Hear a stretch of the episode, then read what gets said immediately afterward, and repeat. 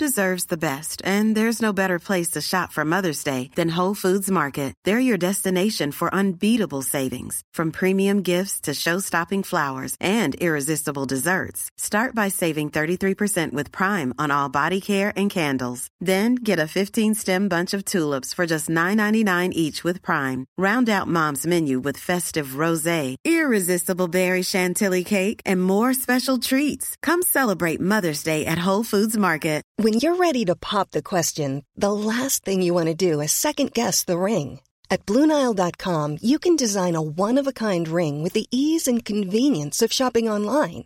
Choose your diamond and setting. When you find the one, you'll get it delivered right to your door. Go to Bluenile.com and use promo code LISTEN to get $50 off your purchase of $500 or more. That's code LISTEN at Bluenile.com for $50 off your purchase. Bluenile.com code LISTEN. Wow! Nice! Yeah! What you're hearing are the sounds of people everywhere putting on Bombas socks, underwear, and t shirts made from absurdly soft materials that feel like plush clouds. Yeah, that plush. And the best part? For every item you purchase, Bombas donates another to someone facing homelessness. Bombas. Big comfort for everyone. Go to bombas.com slash ACAST and use code ACAST for 20% off your first purchase. That's bombas.com slash ACAST. Code ACAST.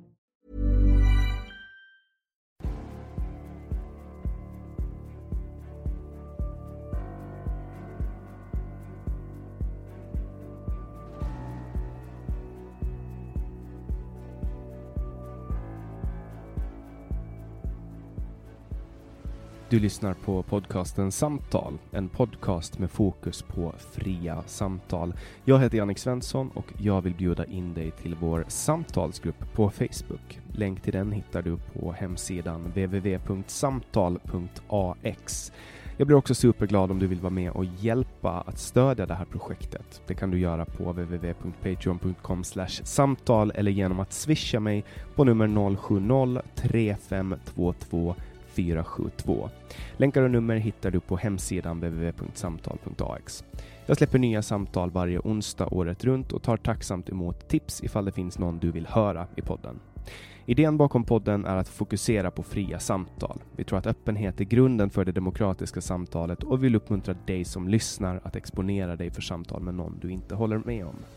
Jag heter Jannik Svensson och du lyssnar på podcasten Samtal. Mattias Våg är frilansande skribent och jobbar inom vården. Han har bakgrund inom miljörörelsen och är sedan 80-talet aktiv inom den autonoma vänstern. Välkommen hit Mattias Våg. Mm, tackar, tackar. Nu, nu tänkte jag så här, du är ju sannolikt inte royalist, så därför bokar jag det här specifika rummet åt dig. Um, Gustav, Gustav den tredjes eh, gamla kontor på Chimney. ja, men då är det ju tur att du valde en kung som just blev skjuten. Ja, vad, var det, vad var det du sa innan? Att, att det krävs en kung för att man ska kunna... Vad var det du sa? Ja, det finns en strömning som kallas anarko-royalister. Och det är anarkister som vill ha en kung, för man behöver faktiskt en, en eh, kung för att kunna göra revolution. Man måste ha någon att sätta en kula i. Ja, det, är väl, det är väl så revolutionen brukar börja. Franska revolutionen börjar med att man tog Ludvig den sextonde. Mm. Och ryska revolutionen var väl också de... Ja, det var nihilisterna där som genomförde en rad attentat mot, mot tsaren och mm. tog koll på honom. Mm, och nu, är det ju, nu är det andra samtalet som jag spelar in live sen corona började. Så nu hade nästan ett halvår hade dragit ut. Men det är skönt att kunna vara tillbaks på och träffa folk face to face. Det är lite ovant att, verkligen sitta framför och, mm. och se folk. Jag har ganska länge haft eh, problem med att få in folk från vänstern eh, och podda och därför är jag extremt glad över att ha med dig. Ja, nej men Chang ringde och då får man ställa upp. Ja, det är bra. Det, det, det är också lite förvånande att, att du är polare med Chang Frick. Ja, vi har gjort lite arbeten ihop. En oväntad koppling, men då har man ju också hittat, hittat mycket bättre saker när man har kommit från totalt olika håll. Mm, lite andra infallsvinklar. Och det, är, det är ju typ det som, som är, är, min tanke med det här, att, man, att jag vill kunna föra folk nära varandra. Alltså folk, folk från högern och vänstern ska kunna liksom samlas kring någonting, att exponeras för varandras åsikter. Mm. Men eh, hur skulle du beskriva dig själv då? Att Autonoma vänstern och miljörörelsen, var, kan du beskriva liksom vad, vad, vad, vad är det och hur gör det dig till vänster? Ja, ehm, jag började min bana inom en, en eh, miljöorganisation som heter Fältbiologerna. Fältbiologerna är en så här ungdomsorganisation, det har ingen ledare, man, man gör all aktivitet själv. Och för mig blev det ett naturligt steg där, från miljörörelsen och gå över till vad man skulle kalla den frihetliga vänstern eller anarkistiska vänstern. Att jag var, det var 80-talet, jag var, hängde på punkspelningar och kom in i, i den kretsen. Och ur den här, eh, vad ska man säga, punkscenen och, som sysslar mycket med husockupationer och sånt så, så uppstod det som kallas autonoma rörelsen eller autonoma vänstern i Sverige. Och där har jag varit aktiv då sedan 87, 88 och och det var här i Stockholm då? ja, det var här i Stockholm. Här, här uppe på Södermalm? Ja, mycket Södermalm, mycket Vad hette någonting? Månen hette det caféet? Svarta månen. Svarta månen. Shit, känner du till det? Ja, men jag hade, jag hade med en, em, en man som, som tyvärr nyligen eh, gick bort, Igge Holmberg. Mhm. Och han var med i podden för cirka ett år sedan och han berättade om just den husockupationsdelen. Ja. När de hängde där på Svarta månen och ockuperade hus. På. Ja, ja, jag har faktiskt just släppt en bok om 50 år av svenska husockupationer. Så att husockupationer har varit lite min specialitet och en av mina specialiteter att skriva om. Vad, fort, for, alltså, finns det fortfarande folk som ockuperar hus?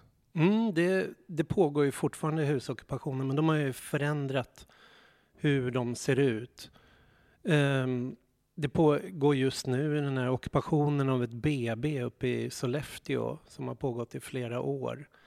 Det är en rätt symbolisk ockupation där man har ockuperat, eh, vad ska man säga, entrén, en, en del av entrén till sjukhuset för att eh, protestera mot nedläggningen av sjukvården där uppe. Och det har ockuperats olika så vårdcentraler och sjukstugor uppe i norra Sverige. Så men det är bara för att visa sig, det är liksom inte att man på något sätt stör ut verksamheten.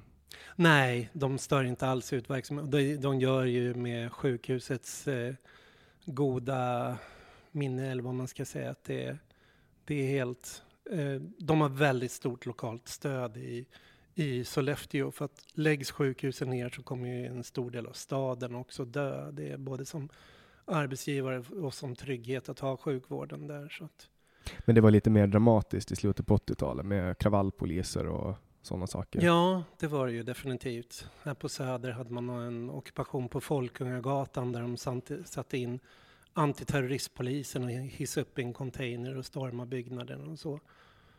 Men under de här 50 åren, de flesta husockupationen har ju inte varit våldsamma och militanta på det sättet utan man har använt andra former av eh, sätt för att liksom öppna upp hus, få folk involverade i, i, ehm, i ockupationen och delta i aktiviteten. Och liksom, om man, huset, alltså ockupationer är ju aldrig legala, men de kan vara legitima. Så där är det alltid byggt på att man har liksom försökt skapa så mycket legitimitet genom den här ockupationen Det är möjligt. någon form av utomparlamentariska metoder. Det är utomparlamentariska metoder definitivt. Och jag har alltid rört mig i den här utomparlamentariska vänstern. Är det det som är synonymt med autonoma vänstern? Ja. Autonom syftar ju på att det är en eh, vänster som är aktiv fristående från partier, fackföreningar. Man kan säga att det är en slags antistatlig vänster som bygger på att organisera sociala rörelser underifrån för, för självstyre och självbestämmande. Utan stat. Utan stat, ja. Skulle du klassa dig själv som anarkist? Eh, anarkist eller kommunist faktiskt. Anarkokommunist? Ja, anarkokommunist. Det är, den traditionen jag tillhör kan man säga, det är en slags italiensk marxism som har växt upp i konfrontation med, med statskommunismen, med italienska kommunismen. Så att den är väldigt annorlunda mot vad kanske du tänker på när du hör ordet kommunism som Det är, det är någon form av utbred... Det finns ju ganska många falanger Ja. av, av kommunism. Marxism, leninism eh, och så vidare och så vidare. Mm. Hela, hela arbetarrörelsens historia, hela vänsterns historia är ju en, en lång tradition av vad man kan säga utbrytningar där några har kanske gått i en viss auktoritär riktning och vissa har brytts ur och gått i en mer frihetlig riktning. Så det finns ju mängder av sådana strömningar att inspireras av. Och anarkismen var den första som bröts ur, första internationalen då som Marx bildade. Men den inspirationen jag hämtar från det är ju, ja det, dels därifrån, men det är egentligen mycket nyare strömningar från 68 och 77 och 80-talet och 00-talet. Men, men den grundar sig fortfarande på socialism då antar jag? Nej, alltså socialist är det ord jag aldrig skulle använda. För att socialism är, ett, eh, det är förknippat med staten, att det, det är ett övertagande genom staten, en övergångsstadium till, till kommunismen, så att säga. Att man omvandlar genom reformer eller genom revolution via staten. Medan det här är vad man ska säga, man tar inte den vägen via staten utan snarare försöker man via social organisering på olika sätt i samhället nå ett eh, klasslöst samhälle som är liksom målet, slutmålet. Och hur uppnår man klasslöshet då om, om, om det organiseras underifrån? Tänker jag, Ja. för då kommer det ju anta, det kommer väl säkert att uppstå elitgrupper? Ja, alltså... Ja, det som skiljer, vad man kan säga, det här från eh, vad man kan säga mer eh, eh, de som tänker att det är genom staten du omorganiserar samhället, det är genom att ta statsmakten.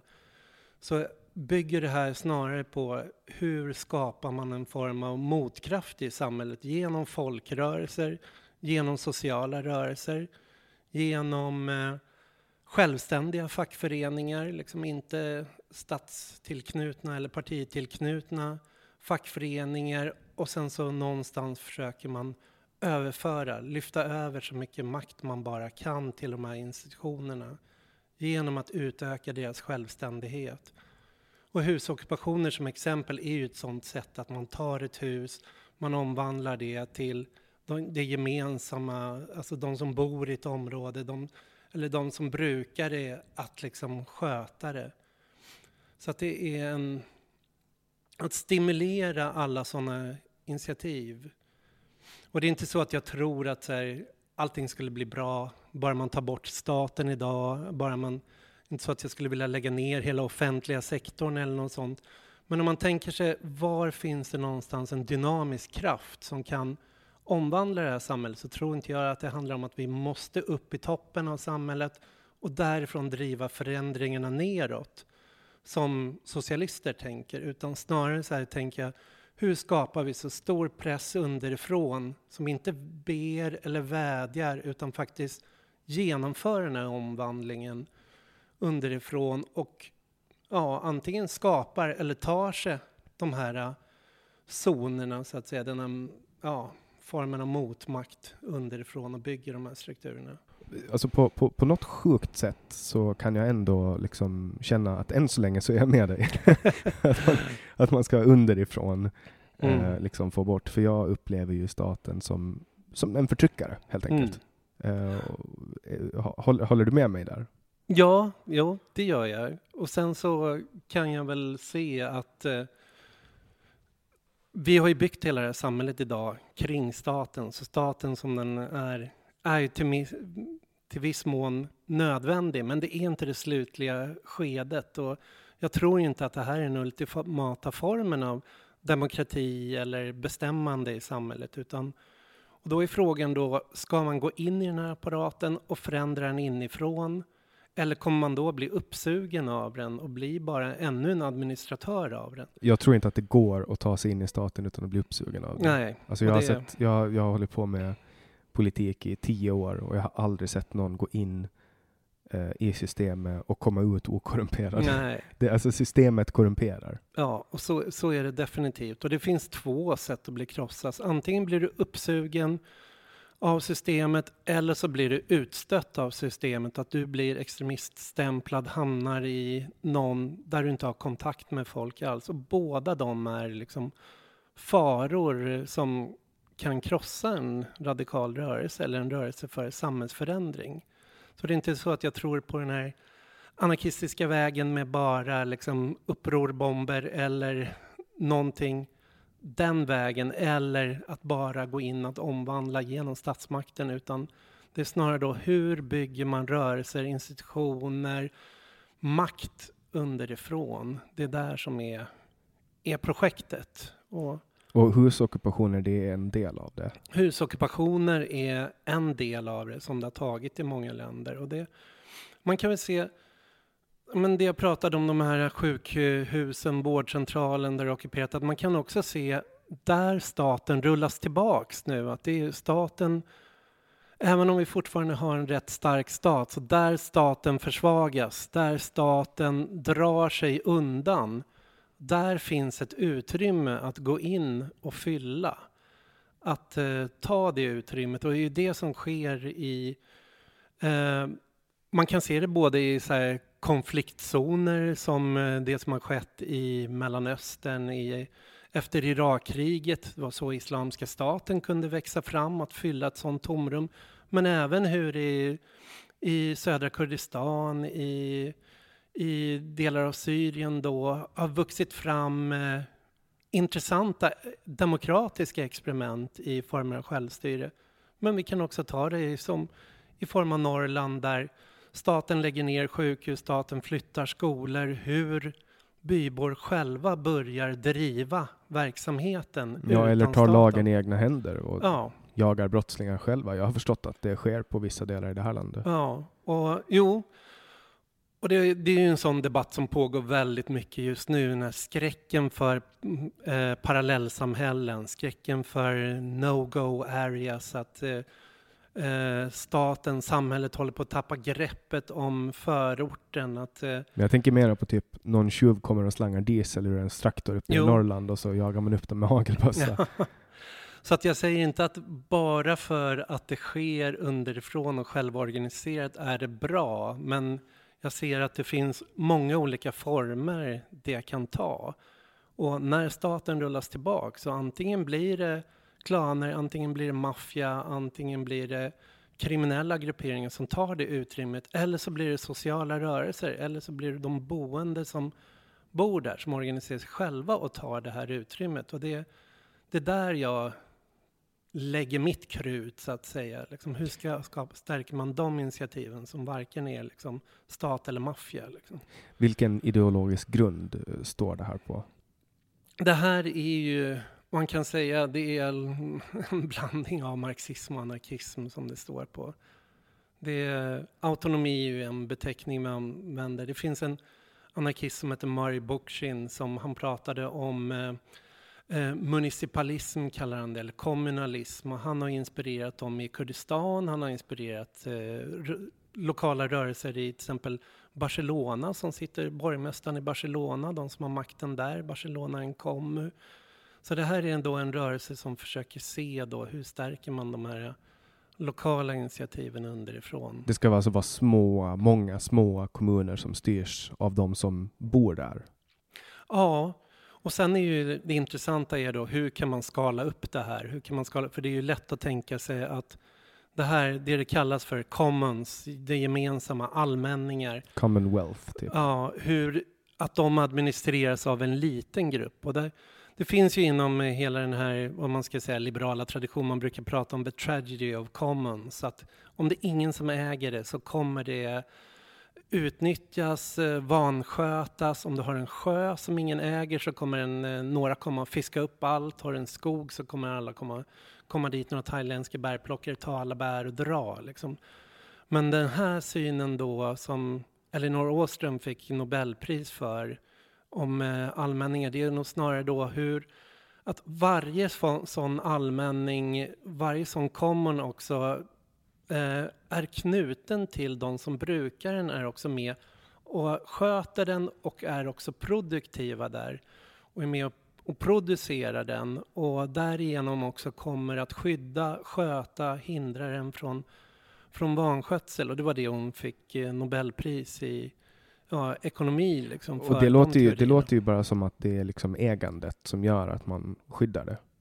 Ja, fast det är, inte, det är inte ett privat ägande och det är inte ett statligt ägande, utan det är något annat. Det är tredje som, som man kan kalla för gemensamt ägande eller allmänningar. Ett kollektivt ägande. Det är de Ja. som är där i närområdet som är med och Ja, tar hand om och gör det. Men de som bor där och bor i närområdet som inte känner någon direkt förpliktelse till att ta hand om det, hur, hur hanterar man det? Jo, då, då kräver det ju någon form av organisering, någon form av institution så att det inte blir vanskötsel eller att några kommer dit och bara kvaddar eller, eller tar så mycket så att det inte går att sköta längre. Utan allt det här kräver organisering. Utan organisering så kommer det bli allmänningarnas tragedi. Men har vi organisering, har vi lokalsamhälle som deltar i det här.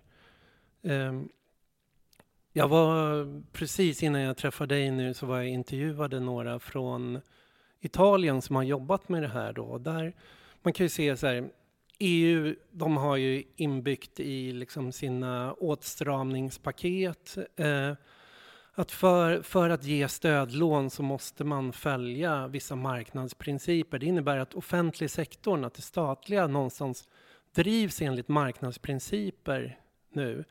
Och därför, om man vill rädda det gemensamma så går det inte att göra inom staten. Det går inte att göra inom det gemensamma, utan där ska allt fungera marknadsmässigt. Det ska fungera likt bolag. Det ska gå med vinst och därför har man då försökt rycka ut det och förvandla det till allmänningar. Och det här har man gjort till exempel i Neapel och de jag pratade med försöker göra det i Rom då. Att i de olika stadsdelarna, det finns inga gemensamma lokaler kvar. Det finns inga platser att mötas, badhus, bibliotek.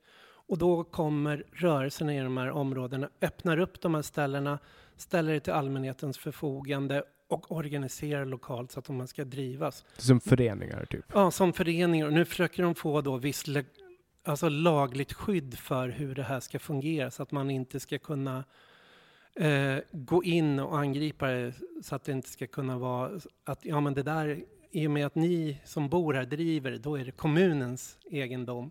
Nej, det är det inte. Och det är inte heller privat egendom utan det är brukarnas gemensamma allmänning det här. Det är någon form av tredje ägande form. Ja, en tredje ägandeform kan man säga.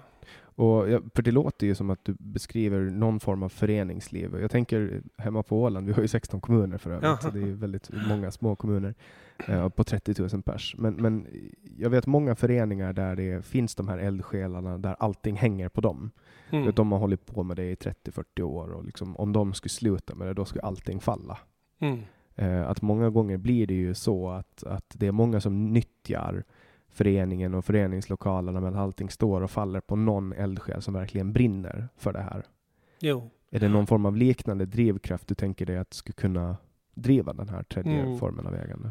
Ja, och det, så, så fungerar det ju på många ställen. Att många vägföreningar till exempel i Sverige idag i byar, de bedrivs som allmänningar. Man har även vissa skogsallmänningar, man har vissa områden som, som gemensamt sköts i föreningsform. Men det är också precis som du säger, det är lätt att det här blir trött, ändå institutionaliserat och hänger på några eldsjälar. Utan allt bygger på att någonstans man måste involvera lokalbefolkningen i det. Jag har själv suttit i styrelsen för en hyresgästförening och vår viktigaste resurs där var att vi hade en Hyresgästföreningen, i allmännyttan så måste man ställa en lokal till förfogande för Hyresgästföreningen, för dess medlemmar och där hade medlemmarna barnkalas. Och det var liksom administrera en lokal för barnkalas var vår främsta uppgift. Jag gick in med kanske en romantiserad bild att nu ska vi liksom ta kampen kring hyrorna och bostäderna. Men det vi gjorde var att administrera en lokal för, för eh, barnkalas. Men sen ins, det var så himla viktigt, de där barnkalasen, att vi drev den där lokalen för att skapa en gemenskap i kvarteren, att folk lärde känna varandra, fick bra kontakter. Så att eh, ja, det som verkade rätt grått och trist skapade ändå en väldigt levande kvarter genom det. Och det är utan vinstintressen då? Ja, utan vinstintressen. Utan... Hur mycket står vinstintressen i konflikt med din ideologi? Ja, alltså... Om saker drivs gemensamt och går med vinst så återinvesteras ju den vinsten i verksamheten. Det ser jag inte som problem. Utan det är ju när vinst blir profit, när man lyfter ut det ur verksamheten och inte kommer till brukarnas förfogande utan det hamnar i någon annans fickor. Då blir det någonting parasitärt. Och det, det är väl lite den marxistiska strömning jag tillhör då ser så väldigt mycket på produktionen i samhället i stort idag. Även hur kapitalismen fungerar. Inom eh, nationalekonomi så kallar man de här allmänningarna för externaliteter. Att det är någonting utanför som inte är någons e-, egendom som man bara kan hämta in. Kunskap, kultur, att det finns en hel stad med en viss utbildningsnivå så här, som gör att du kan få coola dataentreprenörer flytta hit till den här stan för de vet här finns klubbar, här finns det liksom en hel scen, här, finns, här kan man plugga, här kan man träffa trevligt folk. Liksom. Eh, de där externaliteterna eller de där allmänningarna finns i hela samhället och så som jag ser det så är kapitalismen parasitär på det här. Att de, de lever på den sociala produktivitet som finns i hela samhället och urvinner det och plockar bort det här utan att återinvestera i det här liksom gemensamma. Men kan det inte vara så att, att vinsten eh, blir själva moroten för människorna som står bakom det här? Att det är det som gör att de fortsätter ställa sin tid till förfogande? Eh, ja, det beror ju på vems, vems vinst då, så att säga. Om några plockar ur vinst ur en verksamhet som andra bedriver så är de ju parasitära. Då plockar ju de ut någonting ur andras verksamhet som andra bedriver delvis ideellt. Alltså om det är en inv investerare som har liksom investerat. Alltså tänker du så, typ att om, om du startar en glasskiosk och jag investerar 100 000 kronor, mm. då kommer jag att, och du jobbar i glasskiosken, då kommer jag att få en del av vinsten för att jag har ställt mitt kapital till förfogande. Är det är det, det du tänker på att blir parasitärt? Ja, alltså då är det ju verksamheten i glasskiosken som du plockar ut pengar på. Den personen som... Det är ju lättare att se om man ser till ett helt företag eller en fabrik. Men jag pratar nästan om det också på större nivå, på, på samhällsnivå. Att eh, vi kan ta, vi sitter ju i Stockholm och det är the capital of Scandinavia. Nu kanske det är mer the corona capital of Scandinavia. Men, men att det, man försöker ju marknadsföra regioner inom EU nu. Att vi ska ha liksom Mälardalsregionen i det starka varumärket och sen står mot Örestad och det står mot Oslo och jag vet inte hur, Helsingfors, hur man försöker profilera sig. Där men att de här regionerna ska konkurrera med varandra. Och då försöker man ju konkurrera genom att locka kapitalinvesterare till, till de regionerna genom att säga att vi har lagt pengar på den bästa infrastrukturen, bästa utbildning, här finns bostäder, här finns kreativt folk, här finns eh, och allt det där kräver ju någonstans en massa arbete, en massa investeringar och också en massa oavlönat arbete av alla de som lever där och bor där och skapar det som får stora investerare att flytta dit, placera dit sina pengar och sen plocka ut det och dra därifrån. Så att det... Eh, ehm, Ja, men det jag förstår ju att investerare vill få tillbaka pengarna de har investerat, men det är när de börjar plocka någonting mer därur. Vad är det de tar därur? Så att säga? Vem är det, det som på, skapar det som tas därur? Ofta är det ju på väldigt, väldigt lång sikt folk eh, investerar. Alltså om de får en avkastning på 8 procent årligen, vilket är väldigt, väldigt bra, då tar det ju, då kan det ju ta liksom 100 år förrän de börjar få någon. Alltså, jag tänker att i det fallet där, där jag betalar 100 000 kronor och du driver glasskiosken, då har ju vi ändå liksom, för jag sätter ju ändå pengarna på risk. Och då, då skapar jag en form av värde som, som investerar i glasskiosken och du skapar mm. ett värde. Så att då blir det, det blir en synergi mellan dig och mig. Annars blir det ingen glasskiosk. Om inte, mm. du, om inte du jobbar och inte jag investerar, eller tvärtom. Jo, fast nu, nu diskuterar du som mellan en företagare och en investerare. Men om vi ser på större, att du har en företagare som har hundra anställda eller tusen anställda i den där glasskiosken så blir det, så blir det en annan sak. Att en investerare har gått in men det är fortfarande de här tusen personerna som jobbar i den här glasskiosken som, som skapar det värdet som plockas ut av både glassföretagaren och som sen investeraren någonstans kan plocka ur. Um, och för man upp det där liksom på en ännu större nivå, liksom på, på hela samhällets nivå, så ser man till exempel du i dina exempel, och jag tänker du är liberal på gränsen åt libertarianism. Ja, så kan man uttrycka det. Ja. Och där ses ju, du ser säkert en motsättning mellan stat och företag. Liksom att det är två olika... Jag ser ju hur staten är ett eh, mycket, mycket ineffektivt företag. Ja. Som drivs av fel principer. Det drivs av tvärtom-regler. Mm. Desto mer du kan spendera i en myndighet, desto mera budget får du. Och det skapar ett negativt incitament. Medan så som jag ser det så är det här bara två olika kapitalintressen. Att du har det, de enskilda kapitalen, det är de enskilda företagen. Och sen så har du totalkapitalets intresse.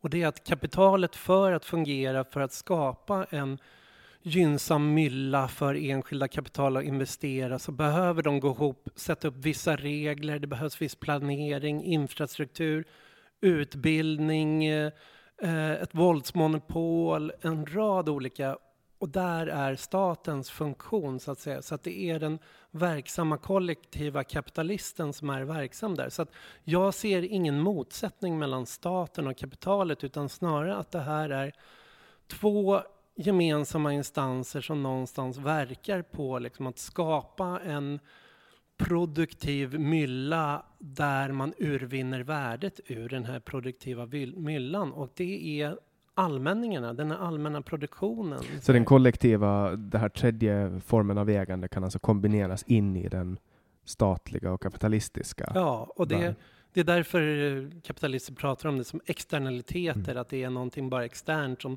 de behöver inte betala för, det är bara att gå ut och hämta, det bara finns där. Det är bara den här gemensamma kreativiteten. Man behöver man behöver kreativa eller du behöver en, människor med en viss kunskap i språk, programmering eller och de finns bara där att anställa. Eh, man ser inte hur det där har producerats fram, hur det där är en kollektiv process och liksom finns det ett samhälleligt fenomen? det, lå det låter ju lite som, är du bekant med A-rörelsen, tolvstegsrörelsen? Ja, alltså anonyma alkoholister. Ja. Ja, jag känner till lite av det. För den, den, den fungerar så, jag är alkoholist och ja. medlem, eller det, jag är en del av Anonyma Alkoholister och det är liksom organiserat på ett sånt sätt, nu är det inte meningen att man ska prata om det, men Nej. jag pratar om det eftersom det kan vara så att det är någon som hör det här som kan behöva höra det. Och då, mm. Men i alla fall inom tolvstegsmöten, rörelsen, så det är grupper av människor som träffas som har samma behov, det vill säga ett behov av att sluta dricka. Och enda kravet för medlemskap är en önskan att sluta dricka eller använda. Och Det finns inga regler. Mm. Det finns bara rekommendationer. Och, och, så finns det traditioner som också är rekommendationer. Eh, det finns ingen, det, man registreras inte. Det finns liksom ingen myndighet som har insyn eller, eller kontroll över den, utan det är bara en, en grupp människor som träffas. Om det är en, en, två eller flera människor så kan det klassas som ett A-möte. Och sen mm. går det en hatt runt och så alla som vill lägger in pengar. Har man mera så lägger man i mera. Har man inte eller vill inte så lägger man inte i pengar. Och det här organiseras endast av de som använder det.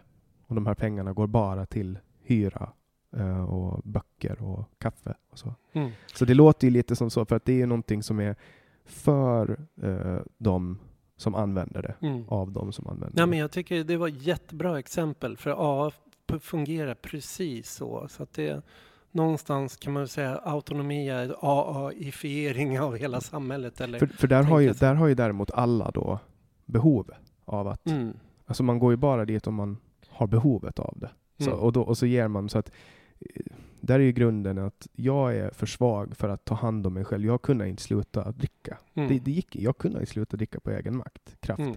Men när jag gick in i ett rum med tolv andra personer som hade samma grej, då kunde vi stödja varandra. Mm. För jag kunde ge någonting till någon annan och någon annan kunde ge någonting till mig som gjorde att jag klarade mig. Och nu har jag varit nykter i tre och ett halvt år. Mm. Så att, men, men där finns ju alltid egenintresset. Jag är, ju, Mm. jag, jag är ju osjälvisk och hjälper andra att bli nyktra för att det hjälper mig att vara nykter. Men det är ju fortfarande alltid mitt självintresse. Mm. Så att, Ja, nej men. Och det det är klart det finns ett självintresse, men det är också där, vad man ska säga, den marxistiska tradition jag befinner mig i, som är en eh, den bygger inte på homogena kollektiv eller tron att det finns ett, eh, ett allmänintresse som går att bestämma någonstans för alla, utan det är en väldigt heterogen, den är liksom inspirerad av poststrukturalism och eh, man är väldigt inriktad på behov och begär, hur de utformas och se till mångfald. Och jag, jag kan ta ett exempel på två rörelser och det ena är hbtq-rörelsen, det är Pride nu, liksom hbtqia som det kallas nu. Eh, eller RFSL som är också en rörelse av, eh, av homosexuella. RFSL kan man säga är en rörelse som är utformad för där ska du representera de eh, homosexuella och du ska ställa krav från deras sida mot myndigheterna. Att eh, det är en intresseförening. Det är en, det är en formell intresseförening, de har stadgar, du, du väljs till positioner. Eh, den är organiserad på ett traditionellt folkrörelsesätt som är hierarkiskt uppåt någonstans där några sitter i toppen och bygger på representation, identitet. Man kan säga att det är, utan att använda det som skällsord nu, så är det identitetspolitik. Medan hbtqia-rörelsen är snarare en flytande öppen gemenskap där man har insett att homosexuella har ett intresse av att jobba tillsammans med bisexuella, med transpersoner, med queerfolk, med, med asexuella och att det finns ingen gräns för hur många man egentligen kan lägga till det där utan det blir som en pakt. Så här. Om du respekterar mina behov och jag respekterar dina behov och vi hjälper varandra med dem så kommer vi bli starkare. Och vår, vår heterogena sammansättning gör det starkare. Och så fungerar det AA också, att alla kommer ju med olika historia, olika bagage men också olika skills, kunskap, kontaktnät, resurser som de lägger till på det där bordet. Det är inte bara att de lägger en hundring i en hatt utan de kommer ju med sina, så här, de kan vara vad heter det, fadder eller vad kallas det? Sponsor. Sponsor, ja. liksom, att man går in med det. Och, ja, det är ju ett, det är ett intellektuellt och andligt utbyte. Ja, så det innebär att det det blir ingen motsättning mellan det egenintresset och det här heterogena kollektiva intresset utan snarare ju fler olika former av egenintressen eller ju större mångfald du har desto starkare blir ett sådant kollektiv. Men hade det varit ett homogent kollektiv där alla hade samma intressen och hade, alla hade samma kunskap så hade det blivit ett väldigt svagt kollektiv och där är det är väl det som, är, som lockar mig med den här strömningen också. Det är inte på något sätt en kollektiviserande homogen klump utan det är snarare hur kan vi tänka oss den här mångfalden? Mm. Är miljörörelsen och den autonoma vänstern, eh, är de på något sätt, tillhör de varandra på något sätt? Ja, det kan man säga. Att det, eh, historiskt sett så jag pratar mycket om den här italienska traditionen nu för att det, jag har bott i Italien och liksom varit verksam där. Men man ser, man kan säga som så att miljöpartierna och autonoma rörelsen är två barn av samma moder. Att det är de gröna. Det är, det är lite ro, roligt när jag åker över till Finland och träffar mina gamla kompisar. När, nu så sitter de alla i riksdagen för det gröna och Vänsterpartiet medan jag är fortfarande rörelseaktiv här. Och du är icke korrumperad, eller? Den icke korrumperande. Uh, nej, men någonstans kan man väl säga att det är inte 68-vänsterns barn det här, utan det är 77 punken, eh, alternativrörelsen i början av 80-talet när det fanns kvinnorörelsen, miljörörelsen, fredsrörelsen. Så de autonoma var den militanta flygen av den här alternativrörelsen mycket kärnkraftsprotesterna, alltså det som bildade de gröna partierna i Europa. Den flygel som gick ut och ockuperade eh, sajter där man skulle bygga kärnkraftverk och kär, frakta kärnavfall på järnvägen. Det var de som kom att kallas de autonoma. Man brukade själv säga att det fanns i Tyskland, det finns müslis och mollis. Müslis, det är de som käkar müsli och har stort skägg och proggare, det är de som blev gröna partiet. Och mollis, det var de som gick ut och kastade molotovs istället och det var det som blev de autonoma, men det var två tendenser inom samma rörelse. Men det finns någon form av våldsbejakande element inom den autonoma? Ja, man kan säga som så att det är Ändamålen helgar medlen, eller? Ja, alltså det finns ju ett dike på andra sidan och det är ju alla de rörelser som blev statsgerillor, som blev terrorism, som blev extremism. Och där har ju liksom folk någonstans många gånger trillat över, hamnat ner i det diket. Men det har också gjort en jädra massa lärdomar, att folk har suttit på kåken eller folk har haft den där erfarenheten och fattat att det här är en stängd väg. Man kan aldrig, aldrig, aldrig utmana staten när det gäller våldsmonopol, för att de kommer alltid vara större, starkare och kommer kunna krossa en. Men det innebär inte att man har blivit icke-våldare och liksom pacifister eller hippisar, utan då är det snarare så här, vi behöver kunna försvara våra utrymmen, men vi kan bara försvara dem om vi har en stor legitimitet kring det. Att om det är många som stödjer det vi gör så kan vi också använda en väldigt låg nivå av konfrontation för att försvara det här. Och det kommer, folk kommer fatta varför man gör det. Det är liksom allt från almstriden i Stockholm när man anarkisterna slogs med polisen för att skydda de almarna medan det stod tiotusentals människor runt omkring och var med och hindrade som ville bevara det till man kan ta det här ungdomshuset i Köpenhamn som stormades för tio år sedan och det blev en, ett år av protester och breda massmanifestationer eh, och alla kändisar, alla musikgrupper gick ut och sa att det måste finnas sådana här konserthus. Och till slut fick man stånd ett nytt hus. Att, eh... Ja, var var alla de när Klara-kvarteren revs liksom? ja, Klara-kvarteren tog som lite på sängen, för det var ju, Klara-kvarteren, det var ju det var ju kultur och porr, det var det som fanns där. Det var liksom en arbetarstadsdel med väldigt mycket coola, häftiga lokaler med saker som Och vackra, vackra hus, gammal ja, fin arkitektur. supervackra hus. Och, och de, de, gator som har bevarats, det är ju faktiskt här, som Gamla Brogatan, det är ju för att det var ockupationer där. Det ockuperades, så fick de till slut bara, okej, okay, vi låter den här gatan vara då. Så det är lite, de många fina gator som eh, Hornsgatan, det är också så här, det skedde ockupationer där på 70-talet, Mullvadsockupationen. Man rev huset Mullvaden men man lät de andra husen på Hornsgatan vara kvar efter det. Så eh, det är en form av, det finns en form av våld där men det är inte en... Men då är det främst att man slåss med poliser? Typ. Ja, och det handlar också om att försvara vissa saker, att man måste kunna vinna vissa konkreta strider. Det är inte det här extremistiska statsgerillagrejen där man tror att man ska attackera statens hjärta eller att tänka sig det som en militär konfrontation med staten för att det, det är liksom helt kört. Men däremot så gäller det vi måste kunna försvara allmänningar liksom mot hot. Vi måste kunna försvara det som har uppnåtts. Ja. Kan, kan, det vara så att folk som dras till den här våldsbejakande delen av den autonoma vänstern, att de lite är vill ha den här action, adrenalinpumpet från att stå öga mot öga med någon på gator och torg. Jo, men så, så är det ju.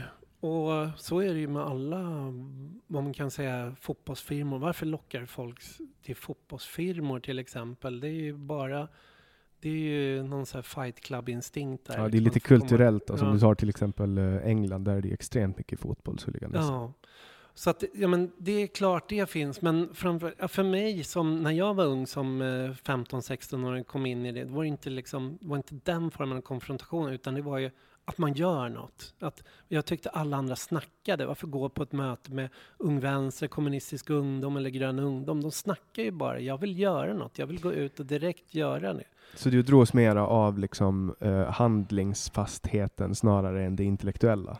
Ja, att man agerade direkt. Och då tänkte man ju sig det att det var mycket så här blockera, sabotera, konfrontera. Men ju längre jag varit aktiv och ju mer jag liksom rest runt och liksom varit en del av olika rörelser så har jag också förstått att men, det här behöver inte vara så spektakulärt just, just det där direkta agerandet. Det kan vara som att driva kvarterslokalen där det är barnkalas eller göra sådana saker. Hur är det med att slåss med nazister då?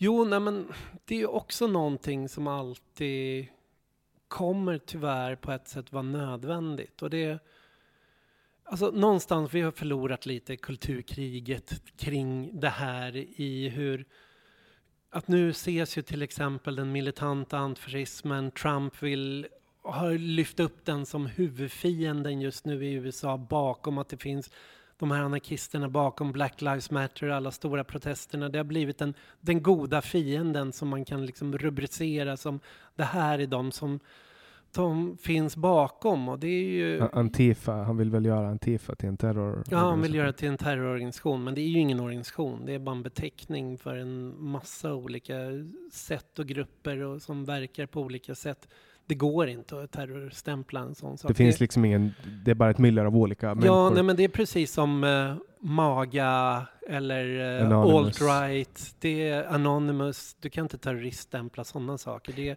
det är logos snarare, liksom. det är beteckningar, det är nätverk, det är rörelse. Det är, inte, det är inte organisationer, det finns inte ledningar, det finns inte medlemskap. Liksom. Vad är skillnaden på Antifa och AFA? Alltså AFA är antifascistisk aktion. Antifa är bara en förkortning för antifascister. Så AFA är Antifas. Men alla Antifas är inte AFA. AFA är mm. bara en Men AFA en är en organisation? AFA är en organisation. Och den är registrerad som organisation? Nej, den är inte registrerad som organisation. Men däremot så är det, man kan säga som så, det är ett nätverk där lokalgrupper är anslutna. De blir medlemmar i, och du är med i en lokalgrupp. Så här, och det AFA finns ju i en rad olika organisationer, eh, alltså länder, men Antifa är någonting betydligt mycket större och det behöver inte vara militant, det behöver inte vara konfrontativt, utan det är snarare liksom just en förkortad beteckning på en miljö som i huvudsak är antifascistisk. Och antifascism, eh, kan du beskriva antifascism för, för eh, mig helst? För jag, jag har ju hört högerns beskrivning av, av antifascism tusentals gånger. Ja, men mm. det är en uh, högerhatande vänsterorganisation som tycker om att slåss. Det är mm. typ den beskrivningen man får. Men om du skulle beskriva? Ja, alltså historiskt och nu så är ju, man kan säga, det fanns ju AFA och Antifa fanns ju på 30-talet, 20-talet, 30-talet och det har funnits nu sedan 80-talet, 90-talet att historiskt så har det ju varit så att, jag vet inte om AFAs symbol är två flaggor, en röd flagga och en svart flagga brukar ofta användas, att så här, kommunister och anarkister ihop. Men historiskt sett så var det två röda flaggor. Och det hänger ihop med att vänstern, arbetarrörelsen, har haft två strategier att bemöta fascism genom tiderna. Och de har kallats enhetsfront och folkfront. Enhetsfront det innebär liksom att arbetarrörelsens organisationer måste gå ihop, det vill säga socialdemokratin och eh, kommunisterna måste stå samman mot hotet mot arbetarrörelsen som var de fascistiska organisationerna. Och därför hade man två röda fanor som den här enheten mellan de två grenarna i den här splittrade arbetarrörelsen. Då. Att även om man inte kunde hålla ihop övrigt politiskt så, så måste man ändå stå mot det här fysiska hotet. Sen fanns den andra strategin som kallas folkfront som kan man säga blev mer effektivt. Liksom. Den tillämpades i, i eh, Spanien, i, framförallt i Frankrike som gick ut på att kommunister och socialdemokrater måste tona ner sina krav och ställa sig bakom eh, vad man ska säga mittens liberala paroller och någonstans först enas för att rädda demokratin och sen eh, mot, mot fascismen och sen ta sin egna kamp. Eh, och vår tids AFA, vår tids antifascism, den, den är alltså baserad inte på den här folkfrontsidén. Och det är ju så här när Stefan Löfven eller sådana går ut och pratar om så här fascism, vikten att alla partier ska enas i januariöverenskommelsen. Med Centerpartiet så är det ju en folkfrontssätt att tänka. Att man använder Sverigedemokraterna som det stora hotet och ska få ihop en, en bred samling i breda avtal kring migrationspolitik, flykting, alltså, eh, lag och ordning, brottslighet, utrikespolitik. Där ska man då skapa så att det inte finns utrymme för den här eh, ytterhögern. Medan den militanta antifascismen då som, som AFA eh, har varit en del om, det bygger snarare då på den här enhetsfrontstanken att man ska ena radikala vänsterkrafter och på olika sätt då freda sina områden, freda sina manifestationer, freda sina hus och även gå på offens offensiven och störa ut då fascistiska grupperingar som verkar på gatan, som är konfrontativa på gatan. Alltså söka upp och slå sönder nazister, typ. Ja, eller deras strukturer, deras lokaler. Och det, ur en liberalt perspektiv så är ju det allting är yttrandefrihet, åsikter, idéer som står mot varandra och genom samtal i poddar så ska man nå konsensus. Eh, så, så är det här liksom konstigt sätt att tänka liksom. Men det här handlar ju om att allting är inte bara åsikter. Allt handlar om att det finns eh, re, reella konflikter, intressekonflikter som, som också tar sig fysiskt utrymme i rummet. Att eh, öppnar en högerextrem lokal så innebär det det området blir svårare att röra dig i för om du är eh, homosexuell eller vänster eller handikappad eller någonting sånt. Så att det innebär att det här är krafter som står emot varandra. Där, alltså för min egen del, jag kan dra min egna historia. Jag var liksom ung punkare som kom in och gick på eh, spelningar. Jag hängde på vissa vänsterlokaler och var pacifist. Liksom. Men det fick man ju sluta med rätt snabbt för att det blev attackerat hela tiden av nynazister som gick på de här lokalerna. Och till slut så gick ju vi ihop och började liksom försvara oss och till slut också jaga bort dem. Att eh, när de öppnar lokaler i områden där vi fanns så handlar det om att stänga ner deras lokaler för annars skulle våra lokaler vara hotade. Var var polisen då? Alltså, polisen har ju aldrig brytt sig om sådana här saker utan eh, någonstans, poliser har ju skyddat journalister som har varit hotade, politiker som har varit hotade, men om det har drabbat andra rörelser så har det inte har man inte brytt sig om att ge skydd. Det var ju långt senare som de kom att skydda eh, homolokaler och allt sånt. Men som tidigt 90-tal när eh, RFSLs lokaler var hotade, då hörde ju de av sig till de militanta antifascisterna och sa vi behöver hjälp, vi behöver hjälp med skydda Pride-tåg, vi behöver hjälp med skydda lokaler för att polisen sket i sånt. Så det, då fick vi liksom organisera det själva, liksom. vi fick sköta liksom, försvaret själva. Men gör man det då på något sätt att man, man, liksom, man förbereder sig för nödvärn eller gör man det aktivt genom att bunkra upp med vapen? Nej, alltså det här var ju... Det här har ju alltid varit våld på en väldigt låg nivå. Liksom. Det har varit liksom aldrig gått längre än vad, vad man ska säga fotbollsfirmor har varit verksamma. Det är ju det är ingen, eh, ingen som har dött i Sverige av eh, antifascistisk våld till exempel. Utan det har ju oftast handlat om att man har skyddat eller stört möten. Eh, och gjort det på en sån... Så att det handlar ju inte heller om... Alltså det är, det är inget vapen, det är ingen hög våldsnivå det handlar om. Det är Men- mera men det- närvaro? Ja, men det finns ju fortfarande en konfrontativ attityd i det. Man har haft det här slagordet att här, inga fascister på våra gator, ingen plattform mot fascismen och eh, antifascism är självförsvar. Liksom. Det har varit här, tre gemensamma slogans som har funnits bakom det här sättet att tänka.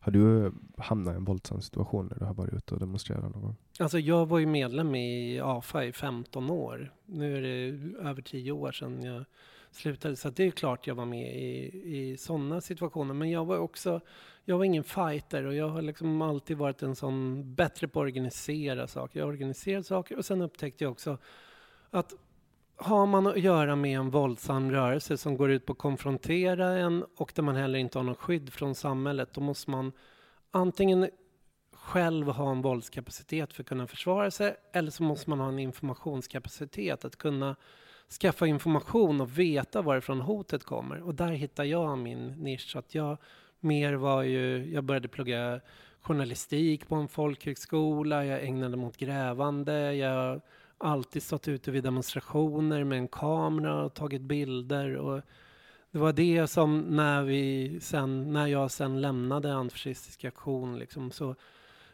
gick jag ihop med en gäng eh, frilansare, frilansjournalister och aktivister och grundade den här researchgruppen. Att vi fortsatte med det här grävande arbetet då, där vi mer sa att ja, men pennan är vår gatsten just nu, liksom, eller datorn. Mm. datorn är vår gatsten. Så att vi, Vad var det, 2009 som ni fick Guldspaden? ja, 2000, vad var det, 13 eller 14 eller något sånt där.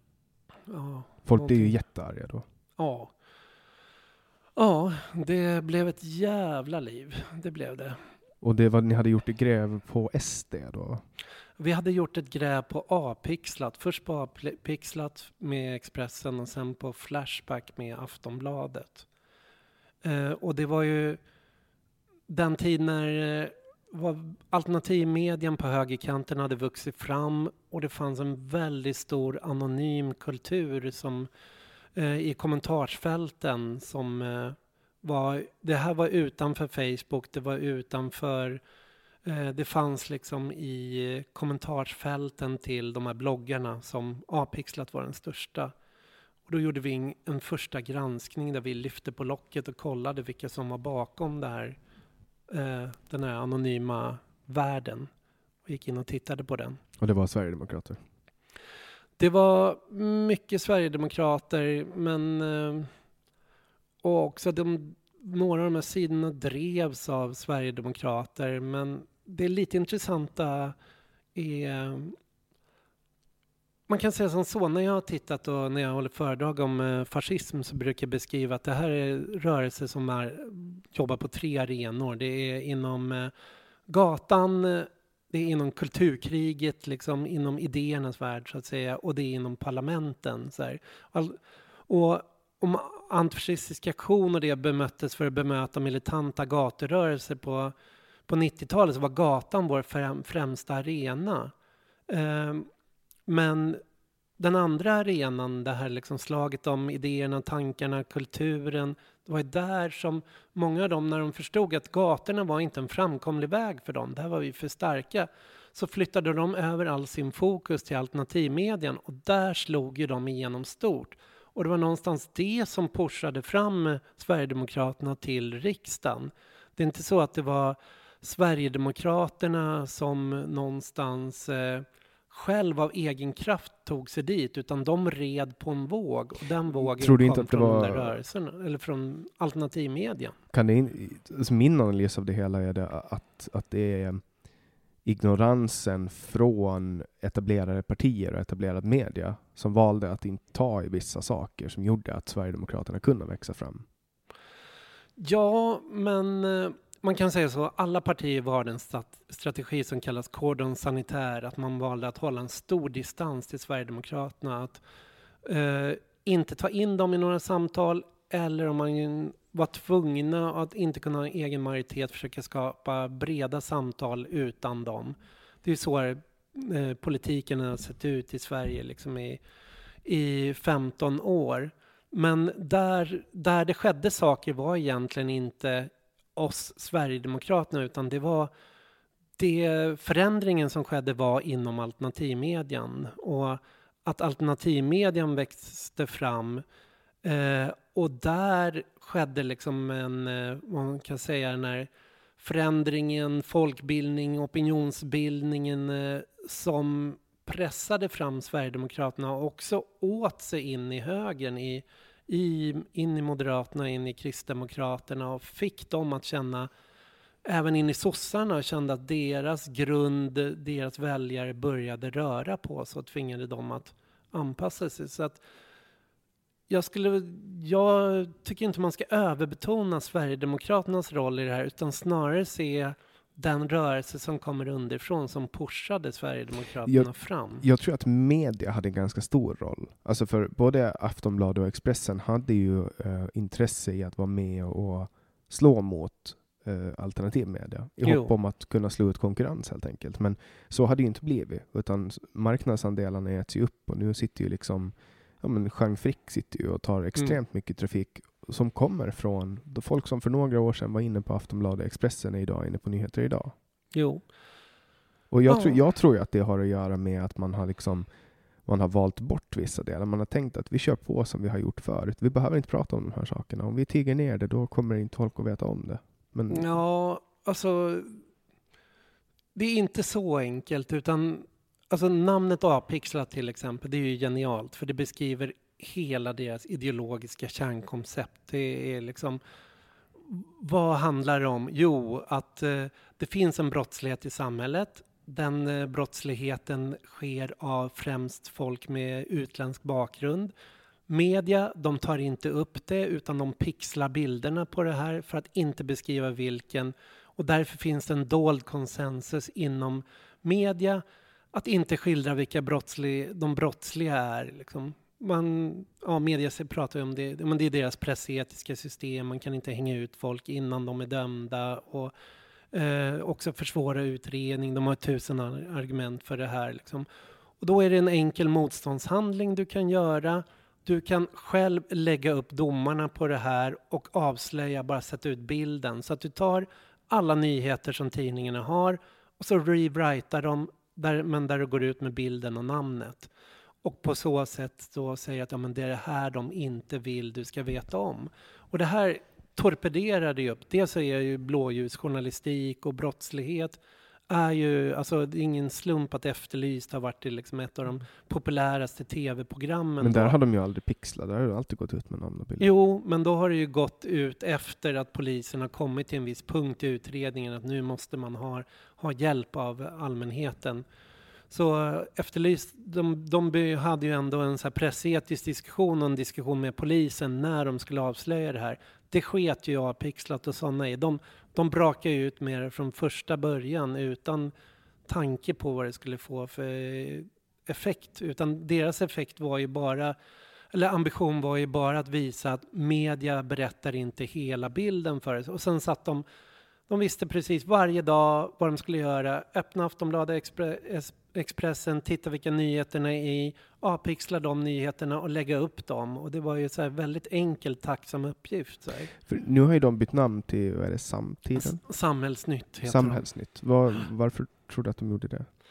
Jo, och det är ju också att alternativmedian har förändrats. Att det här var den alternativmedia och den var väldigt brötig, drevaktig, hängde ut folk väldigt mycket. Och det, var det, var ju, det var ju typ så här 48 år i somalier, våldtog, ja. alltså sådana grejer, grova rubriker liksom. Ja. Och det var alltid fokus på etnicitet, upplevde ja. jag.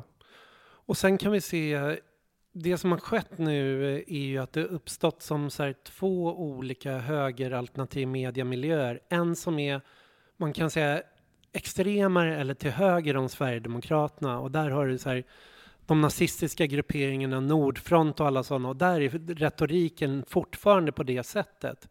Men det som har skett är ju de senaste fyra, fem åren att det har växt fram en alternativmedia och det är ju många av de namnen du har intervjuat har ju kommit från den som ställer sig mellan Sverigedemokraterna och den etablerade högern, mellan Moderaterna, KD och SD. Och där har byggt en miljö. Medborgerlig Samling finns där, Aron Flam finns där, Jean Frick finns där. Och den har ju expanderat väldigt mycket fyr, de här senaste fyra åren. Vad, har, vad kallas den?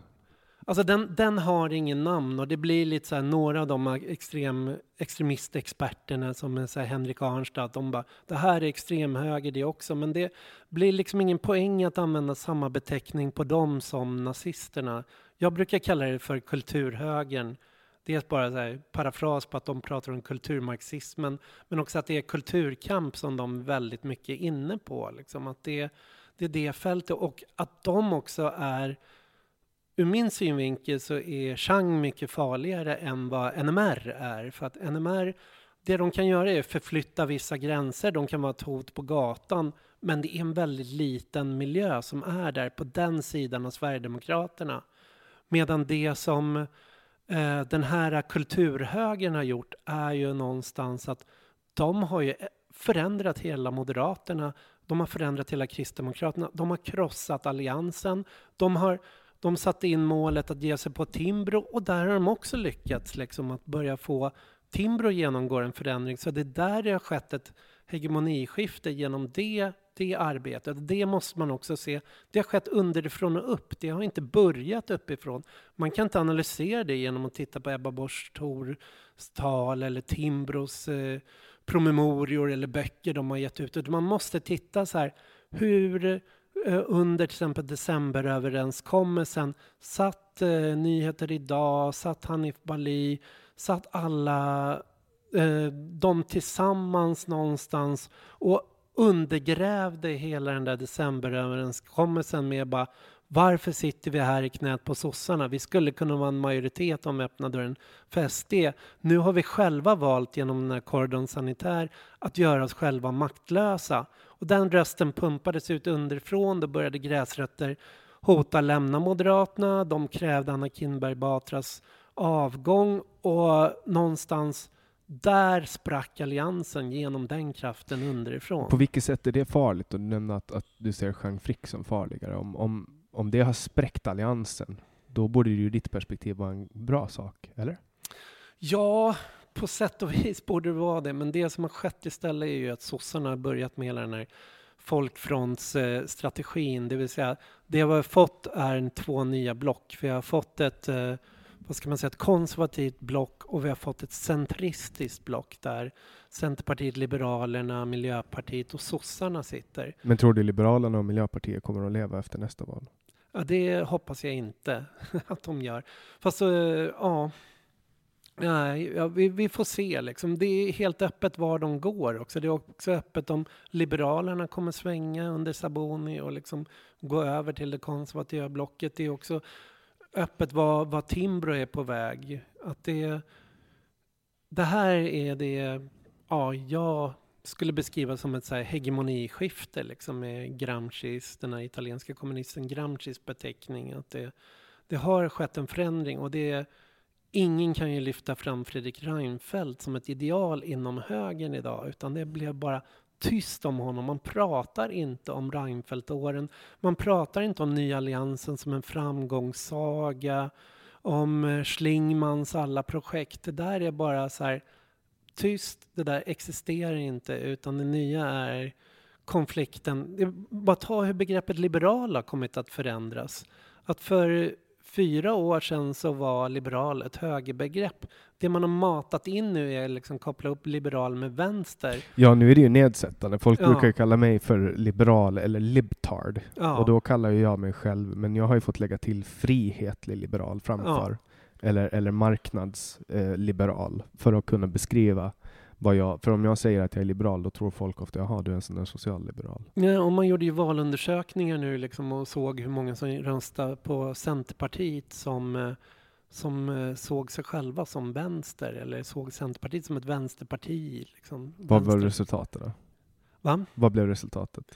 Ja, alltså Centerpartiet var ju de som sköts upp i höjden av det här. Liksom. Man kan ju se att ytterhögern gick uppåt, Centerpartiet gick uppåt och Vänsterpartiet gick uppåt på den här. Att det blev en polarisering utåt kanterna men även inåt mitten där någonstans de fick en tillströmning. Men jag bara tänker 2006 när Alliansen bildades för oss inom vänstern, Centerpartiet var det stora fienden. De var... kallar ju sig själva liberaler än i denna dag. Ja. Och Mattias Svensson, jag hade med honom i podden, han tyckte att, att hela januariöverenskommelsen har varit ganska liberal och marknadsvänlig. Jo, och det, det har den ju varit och att det Socialdemokraterna eh, de eh, försöker ju regera till varje pris. Där är det viktigt att sitta till makten och få alla till förhandlingsbordet och sen så gör de eftergifter. För de Men handlar det bara om personliga ambitioner inom jag tror för dem handlar det bara om att spela den hand de har och vinna tid. Att de ser att med det de sitter nu, antingen kommer de få en eh, eh konservativ eh, till mittenregering eller så får de spela på det de har och då är det göra och det ju, har vi ju sett i hela Europa efter finanskrisen och framåt hur sådana här stora koalitioner bildades i land efter land. Men där det har bildats har ju också socialdemokratin störtdykit neråt. Så att, eh, det är en märklig strategi, men kortsiktigt så ser de ju poänger i det, men långsiktigt så är det ju det är en dödsdans de för då. Stör, stör inte du dig på uh, att, att Socialdemokraterna och Miljöpartiet verkar komma undan med typ allt? Med all form av hyckleri i dagens Sverige? Ah, gör de? Jag tycker liksom hetsen mot Miljöpartiet är väl Det är väl det parti som får mest hets av alla. Men sen tycker jag de är hycklare också. Att jag, jag tänker så här, skillnaden på Vänsterpartiet och Miljöpartiet har ju varit att Vänsterpartiet har, de har fattat att ja, de har inte så mycket makt men de kan få igenom en rad förslag. Så de samlar ju bara förslag på hög som de kan checka av och säga titta, tack vare oss har ni fått den här, den här, den här förbättringen. Medan Miljöpartiet, de var mer inriktade på ministerposter. Att de, de ville få, vi vill få de här, de här, de här posterna. Sen har de suttit och administrerat förändringarna och försämringarna. Alltså som jag, jag upplever, typ, det finns ju det här grand-exemplet på när Miljöpartiet hycklar när eh, Isabella Lövin inför förra valet eh, blev konfronterad av Belinda Olsson i Almedalen Mm. när hon lägger fram den här leksaksbilen Mm. och bara ser du vad det här är för bil? Och Lövin bara, ja det är en, det är en pickup. Mm. Bara, Ja, ni har en sån i din familj. Mm. Och så börjar hon med en utläggning om att ja, men min man eh, han transporterar stora, tunga stenar. Liksom. Hon var helt Mm. oförberedd och det var så här, eh, hon bara blev helt konfronterad och bara drog ner all trovärdighet. Men ändå så fick hon, fick hon fortsätta Mm. eh, utan att ehm, det på något sätt liksom... Jag upplevde inte att folk... Du vet, hon fick fortsätta. Och det, Mm. det är så här höjden av hyckleri. Skulle det där ha hänt, ja, men till, till exempel att det var Stefan Löfven som hade bidragsfuska, eh, som är typ det högsta idealet inom Socialdemokraterna, att man absolut inte får göra. Han skulle ju ha åkt direkt. Mm. Men, men Isabella Lövin kom undan med det. Jag, jag kan störa mig extremt mycket på det. Ja, jag vet inte. Ja, jag, för mig är det där, det är det som kallas postpolitik. Där det viktiga är vad du gör som eh, individ snarare än vad du bedriver på, för politik i partiet eller i, i staten. Och jag har stört mig någonstans oerhört över den där ängsligheten bland politiker, att man har gått på dem. Så här, det har handlat om att syna deras kvitton, kon, kolla vad de gör och att de ska liksom vara renlevnadspersoner eller något sånt. Och det har varit sån eh, fokus på det. Och där är ju så här, får man ju ta Carl Bildt som en stor jävla förebild. Genom den teflonmänniska han har varit. Så han har bara låtit allt det där rinna av honom. Han skiter i att svara och skiter i det. Utan det, han går in för politiken liksom. Och det, Miljöpartiet har nog varit skickligare än det. Liksom att, ja men hur dåliga sossarna ibland kan vara och ta det där. Men sen, sen är ju Stefan Löfven att det inte kommer på honom också. Det är ju hela hans ledarskapsstil är ju pusha fram andra. Han är ju den samordnaren, den som får alla att sitta vid bordet. Men han ställer sig aldrig själv och tar någon diskussion. Nej, det är mer så här, ja men skicka in Dan Eliasson. Ja, då får Dan Eliasson eller så får Miljöpartiet eller så får Anders Tegnell. Alla andra står ju. Han står ju nästan aldrig där, utan han är den i bakgrunden som får folk att... Det är ju liksom hela hans ledarskap bygger på. Och det var inte ens eh, livesänt tv-tal. Ja, Det tyckte jag var lite kul. jo. Mm. Mm. Eh, men miljörörelsen, hur, hur hamnade du in i den? Och vad är miljörörelsen? Jag tänker ju att det är typ så här djurrättsaktivism och, och bevara sjöar och skogar. Har, jag, Mm. har jag fel? Nej, det, eller ja.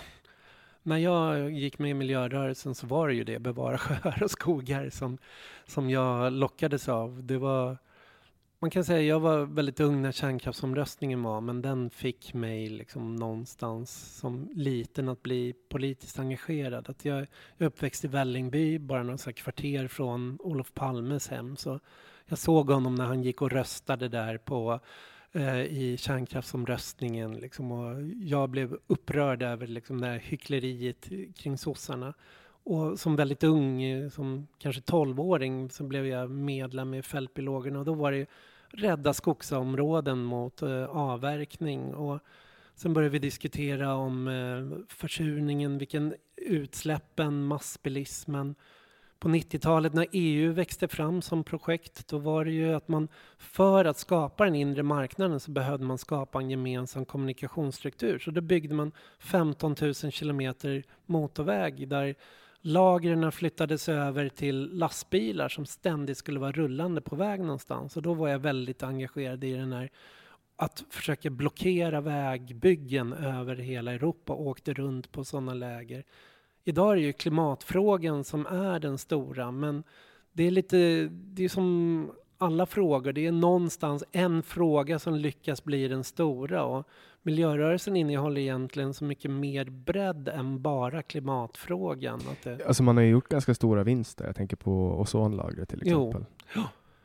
Och det är ju också så här att det, vi har stått inför en rad hot och de där hoten som, eh, som gifter i naturen, försurning, ozonlagret och sen nu växthuseffekten och eh, vi har en rad massa resurspikar där resurser som håller på att ta slut och eh, avverkningar av, av regnskog och så. Så det, det, är en rad olika frågor. Där kan man också se att miljörörelsen hela tiden har varnat någonstans att det här är en rad kriser som kommer komma. Om vi inte tar itu med det här så är det allvar. Och det, jag har sett så klimatförnekare, de börjar säga men ni har ju skrikit nu i 50 års tid varenda år att eh, nu står vi inför en kris. Här.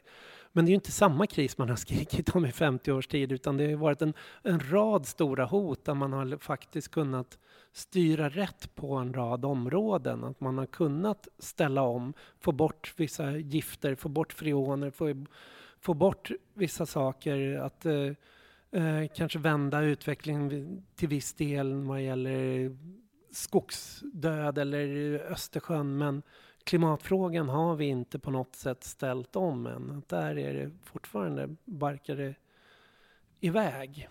Vilket uh, år är du född? Jag är född 71. 71. Um, ja, då har du varit med om, du har varit, hur många olika klimat och miljökriser har du varit med om? Stora. Det, ju, det har ju varit en rad. Ja, en det har olika. varit en rad. Liksom från kärnkraften, skogsförsurningen, säldöden, Östersjön, det har varit en rad olika. Ozonlagret, kärnkraft. Och det är ju, ja någonstans, jag tycker ju klimatfrågan är oerhört viktig men jag har inte varit engagerad i klimatrörelsen.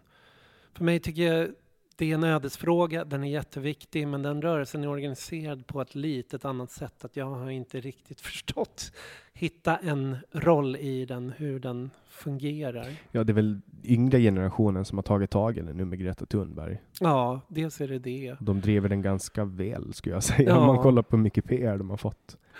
Och sen är det också, det fin, finns mycket mer en lobbyartad struktur och det är inte lika medlemsbaserat eller rörelsebaserat. Men, men den delen jag tillhör, den eh, kan man säga, den har ju varit inriktad på att blockera kolbrytningar i och man har gjort aktioner mot det här Premraff i Göteborg med oljeraffinaderier som ska utökas där. Så att man har ju försökt göra massor olydnadsaktioner. Och det, det är en så här 30-årig tradition av att utveckla former av massolydnad. Att få så många som möjligt människor att ta små, små steg men som genom sin massa gör att man kan stänga ner saker och utan att polisen kan svara med hårt våld mot det.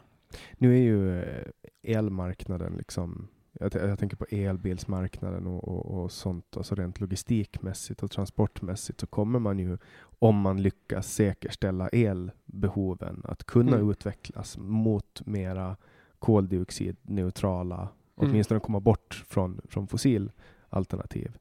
Eh, hur, hur ser du att det här går hand i hand med att avveckla kärnkraft och samtidigt utöka elbehov? För kärnkraft är ju den renaste formen av energi som finns. Dels är det inte det. Att det, Det är, bara, ång, Kärnkraften- det är bara ångturbiner liksom. ja, men då tittar du bara på vad som sker inne i kärnkraftverket. Men du ska, du ska bryta det, du ska transportera det, du ska anrika det. Eh, det ska slutförvaras i tusentals år. Det är en hel kedja där som du bortser från att du bara ser, ja det är, du kokar vatten här inne liksom genom då, då, då är det billigt. Men ser man till hela kedjan, ser man till utsläppen som görs under den, under anrikningen och allt sånt, så är det inte kärnkraften en miljö miljövänlig energiform. Så, Men om, om vi utgår från att de nya reaktorerna som alla pratar om nu, de som kan återanvända gammalt avfall. Om, om vi utgår från att de kommer ehm, och att de implementeras, finns det inte anledning att kunna börja plocka ur det som finns i slutförvar här i Sverige och kunna använda om den Mm. gamla kärnbränslen och på det sättet minska halveringstiden. Ja, det är ju många i miljörörelsen som säger att, eller klimatrörelsen som säger att men det här är ingen strid vi behöver ta längre. Att det var den gamla formen av kärnkraft som vi kunde ha blockerat. Men om den här nya kom, men den är, grejen är den finns inte i drift någonstans. Den har inte kommit. Det är att satsa sina, alla sina hästar på någonting som ännu inte finns. Men sen är det, det finns också en motsättning inom eh, klimatrörelsen. Jag skrev ett förord till en bok eh, som kom i höstas, förra året tror jag, som heter Helautomatisk lyxkommunism. Som är en, eh, knuten till en strömning som kallas accelerationism. Och accelerationism är någonting som finns till vänster, till höger. Det finns en extremhögerform av accelerationism. Och det är att se till hur kan man få drivkrafterna inom kapitalismen att utvecklas i en riktning, inte genom att kanske bromsa dem eller stoppa det, som delar av klimatrörelsen säger att ja, men det här, vi kan inte omställa till en grön produktion. Omställningen kommer få en större klimatkatastrof än att bara fortsätta på det här spåret. Det finns ju delar som säger det och andra som säger då så här, nej men därför måste vi bara dra i bromsen, vi måste bara skala ner, trappa ner. Eller så är det de som säger att ja, men därför måste vi lägga i en extra växel just nu när det gäller alternativa energiformer eller utveckla solceller, utveckla elbilar. Och då kommer svaret att oh, men det, vi har inte den mängden litium eller det vi skulle behöva. Alla de eh, ädelmetaller, de mineraler vi behöver bryta för att göra det. Det skulle liksom krossa hela planeten att liksom ta fram det här. Utan det bygger någonstans... Eh, och motargumentet då, det accelerationistiska motargumentet, det är att snarare se på att det sker en teknisk utveckling. Den kommer ske vare sig vi vill eller inte just nu. Om inte vi är där och pushar det åt rätt håll. Den här går att driva, för knyta an till början av diskussionen, åt mer allmänningar. Att det, liksom, det blir till och med kapitalismens kris. Eh, annars kommer det här att vändas mot oss. Att vi kommer ha artificiell brist som det eh, Till exempel på internet så skulle det kunna... Alla kan ju obegränsat kopiera filmmusik men genom att göra betaltjänster så skapar en art artificiell brist där det inte skulle behöva finnas för att bevara eh, egendomsformen, att bevara det som en vara som du kan köpa. Men, det är så, det är så men lätt. du gör det mot tekniken så att säga för att bevara eh, att det har varit krig mot det här piratkopierandet. Och det, den där motsättningen menar jag och vissa andra finns inom all teknik och det handlar om styrkeförhållanden och så. Att det gäller att se liksom vad, vad är Elon Musk på väg? Vad är, om vi nu har en eh, eh, sån ökning av minneskapacitet eh, på, eh, i, inom datorer, process, eh, processorkraft. Eh, vi har eh, kostnaden på att producera datorerna sjunker. Eh, och man blir också, eh, göra solceller, att få ut energi blir effektivare, effektivare, billigare, billigare. Så här. Då måste vi också se och tänka så här, men vad om vi drar det här till sin konsekvens? Eh, om det är nu så till exempel att vi har asteroidbältena eller månen är liksom proppfulla av mineraler och det är faktiskt börjar bli mer realistiskt att hämta de mineralerna ner till jorden än att fortsätta leta djupare och djupare ner i jorden eller i havsbottnarna och ta upp de där resurserna. Att det börjar bli mer och mer ekonomi i det så står vi inför ett så stort överflöd av mineraler och så att pushar man det åt rätt håll så skulle det också kunna inte bara innebära en grön omställning utan även en kris för kapitalismen. Liksom att vi går in i någon postkapitalism. Kapitalismen läggs på turbo in i någonting där den är bortom sig själv. Liksom. Men- Blir kommunistisk. Jag, jag tänker ju att, att det här med mark- marknaden och, och alltså marknadens osynliga hand, det är ju det, är ju det som styr kapitalismen. Det, det menas liksom att människor går runt och vill ha vissa saker och så fort man har en sak, alltså jag tänker på behovstrappan, då Alltså har man hus eh, och mat och vatten och, och så, och kärlek och, och, ett jobb, då börjar man liksom tänka på andra saker runt om. Man kanske vill ha en trädgård, man kanske vill ha en ny pilbåge till skytteklubben eller något sånt liknande. Att desto mer vi får, desto eh, mer specifika saker vill vi ha. Mm. Och att det är på något sätt uh, det som styr marknaden, det som lockar fram. Att det är alltid det som det behovet som människor har inne i sig som, som gör det här. Alltså, jag tänker att i ett kommunistiskt samhälle, en kommunistisk stat eller ja, en, en stat som du pratar om, eh, någon form av marxism-ish-aktig, då kommer människor alltid vilja ha de här sakerna. Mm. Att, att man kanske är jätteintresserad av bågskytte och vill ha den här specialpillbågen, men den kanske inte existerar. Förstår du vad jag menar? Att, att det här eh, kapitalismen är någonting som finns inneboende i människan. Mm, men uh, den bilden du ger är ju falsk.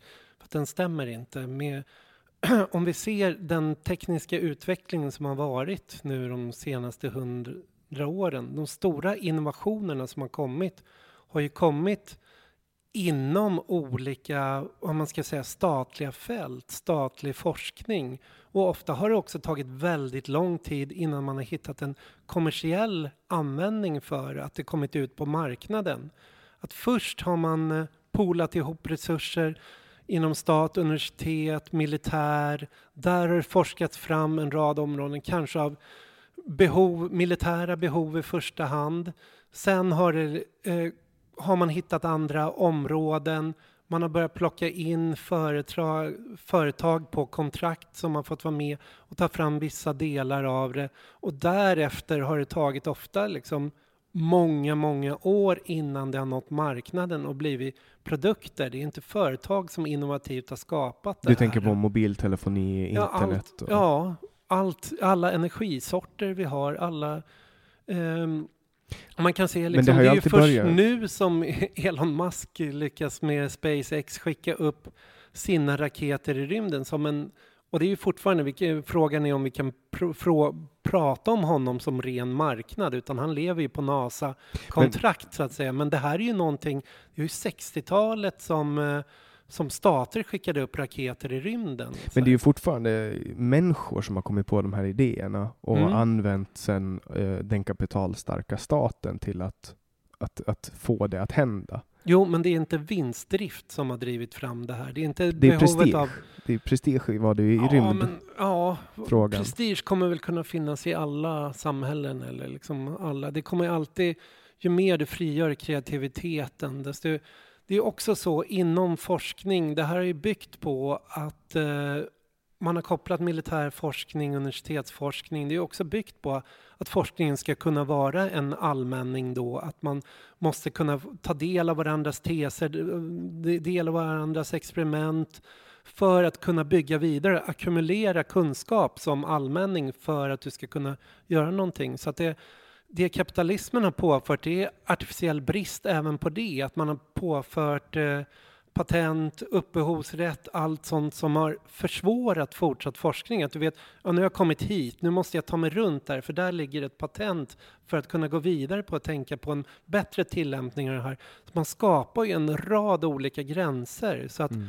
kapitalismen är ju någonting som hämmar hela den här utvecklingen och har kommit, det har kommit till en punkt där den begränsar en, där man behöver liksom spränga de där fjättrarna. Och ja, liksom alltså patent vidare. blir ju, det blir ju ett problem eh, på det, sätt, på det sättet att den, de största, de flesta formerna av, av innovationer går ju ut på, eller en stor del av innovationen går ut på att ta någonting som är befintligt och förfina det och förbättra det mm. och göra det bättre än föregående. Och det är så, så funkar ju människan. Alltså alla föräldrar fostrar ju sina barn till att bli lite bättre än vad man själv var.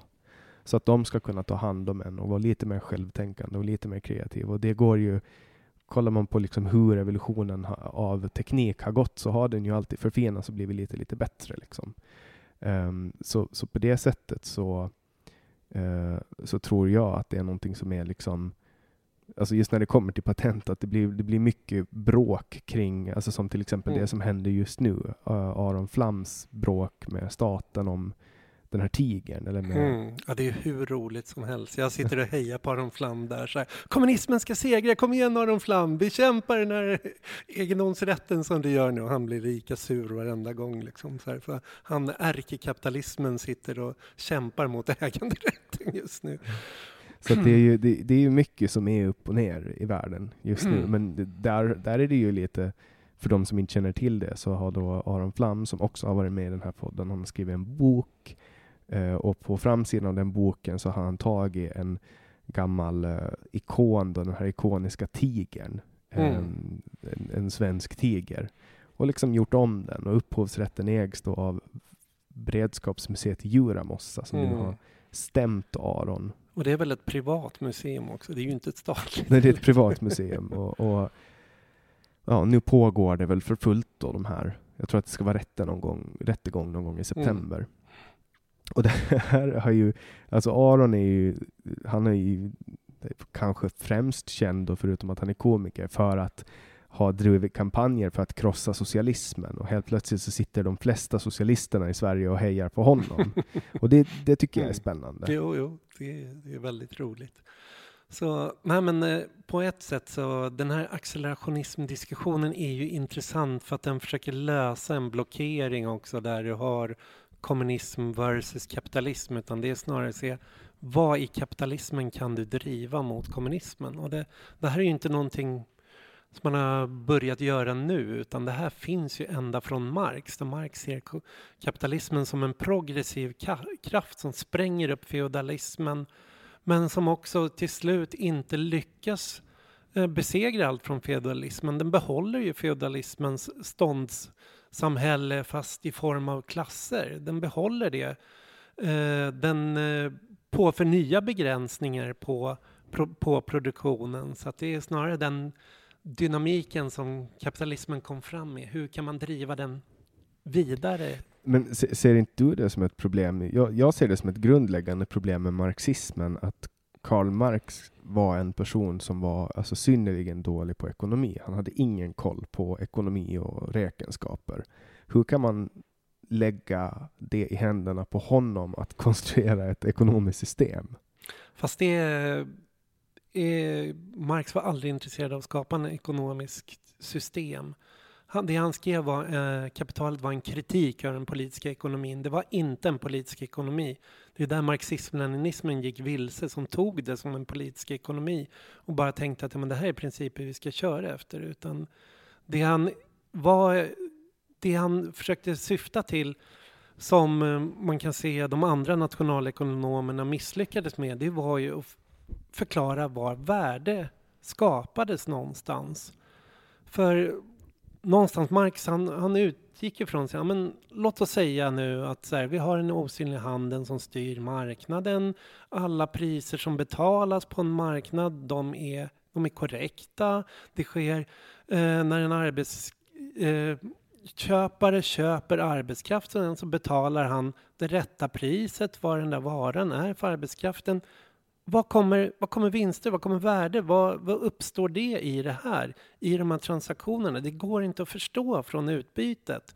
Och det är där då nationalekonomen säger, ja men Marx han har inte gått in och analyserat den här nationalekonomin tillräckligt där, för han, han, han kan inte lägga fram en egen ekonomi hur det här liksom ska regleras, vilka prismekanismer ska fungera och så. Men det han gör är att gå in och titta då, det vi måste göra någonstans är snarare gå in och titta inifrån produktionens dolda boning, säger han. Att så här, du kan inte förstå hur värde skapas utifrån bara bytet. Du måste skifta perspektiv och se utifrån vad händer när du har köpt arbetskraften när den kommer in i fabriken, sätts att samverka med andra arbetare, blir en kollektiv produktivkraft där, används under en viss tid för att verka på en viss mängd resurser som producerar varor. Och då kan man börja se liksom var, hur mervärde, hur värde ur vinst är där. Att det arbetarna producerar står inte i motsättning till vad de avlönas att arbetarna säljer sin arbetskraft individuellt. Men kapitalisten men utnyttjar dem som en social kraft. De utnyttjar dem som ett kollektiv, liksom, som en samverkan. Och det där... För det handlar ju mycket av, av prissättningsmekanismerna handlar ju också om hur produkten eh, tillgängliggörs genom logistik. Alltså ett, mm. ett bra exempel på det är nu under coronakrisen. Jag, jag kommer från Åland, Åland är en ö. Mm. Och den gränsar mot, eller vi har ju Sverige på ena sidan och Finland på andra sidan. Och när coronakrisen kom och gränserna stängdes och allting blev i lockdown, då tog det slut på droger på jo. Åland. Och vad hände då? Ja, folk började begå inbrott på stall för att få tag på ketamin, mm. till exempel. Ja, ja. Och, så går, och så glider det... ja, men det, det, är så här, det är en, mm. en sån perversion. Liksom. Vad, vad, ska folk som vill ha droger, vad ska de göra? Mm. Uh, och då, då liksom åker det där ketaminet ut på, på marknaden och finns säkert otroligt mycket pengar i det. Mm. Uh, alltså att när, när efterfrågan är jättestor utbudet är jättelitet och då kan den som lyckas få fram någonting, vad det än är, kanske det är sömntabletter som någon har fått från en läkare eller så är det ketamin man har stulit från någon stall. Mm. Att där handlar det också om, då är det ju den logistiska tillgängligheten mm. som har gjort att priset går upp. Och det har du inne på band två av kapitalet. Kan, kan du dem alla utan till? nej, men, nej, men just eh, Eh, Eh, en kritik mot kapitalet är att ja, men han sysslar ju bara med produktion, men det är första boken. Sen så kommer andra boken in och handlar då om cirkulationen, logistik, marknaden. Eh, så att det är liksom, han börjar titta från var skapas värdet och sen går han över då till att se då till hela världsmarknaden hur det här fungerar.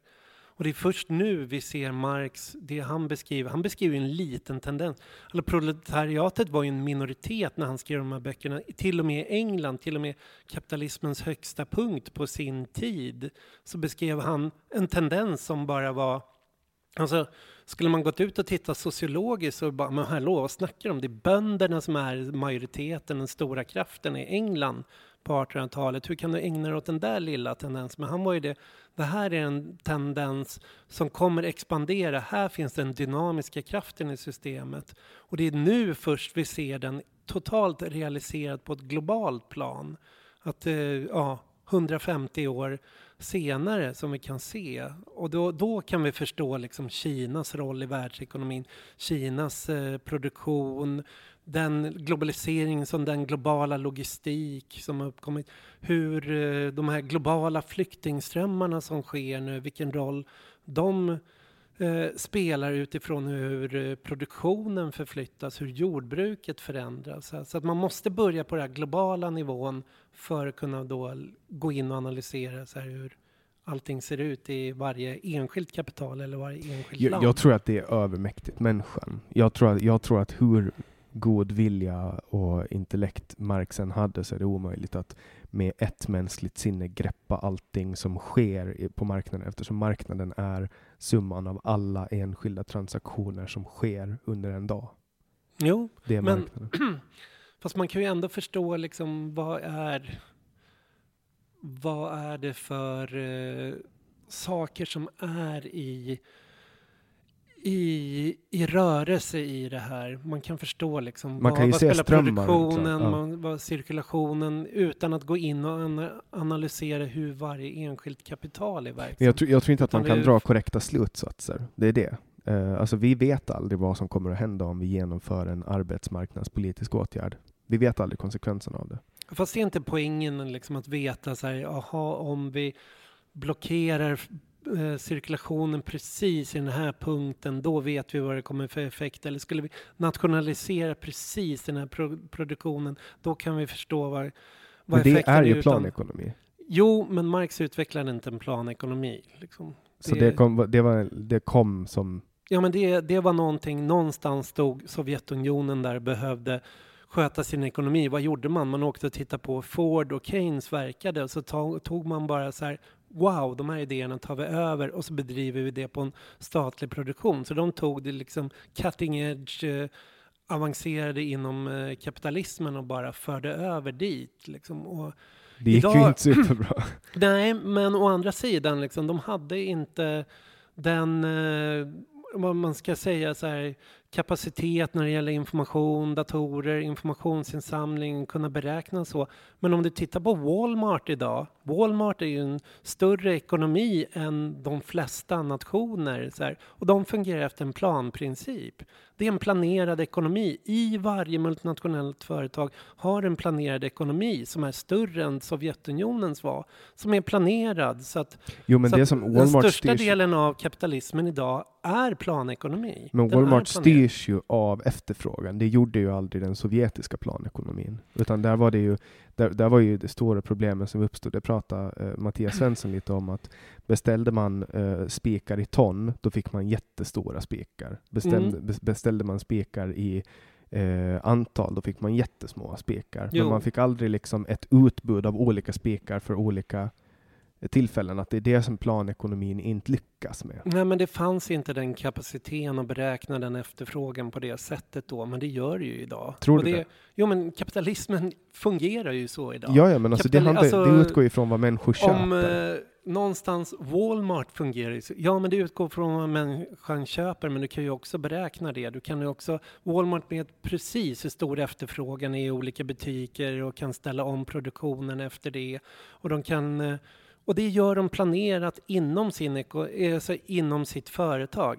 Det finns en bok som har kommit som heter People's Republic of Walmart som tittar på det här. Och Fredrik Jameson som myntar de här begreppen om postmodernism, han har tittat på den amerikanska militären som en så här, hur de är uppbyggd som en socialistisk struktur. Att det, det handlar inte om att tro att eh, Sovjetunionen har lösningen på något sätt. Så här. De, de hade inte alls kapacitet att genomföra det här. Men däremot, vad händer om vi skulle tillämpa Walmarts modell på hela samhället?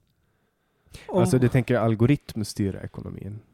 Ja, men också det sättet att planera, deras, deras sätt att beräkna hur produktionen ska vara utformad, hur, vad som ska, vad, vad det finns för behov och anpassa efterifrån det.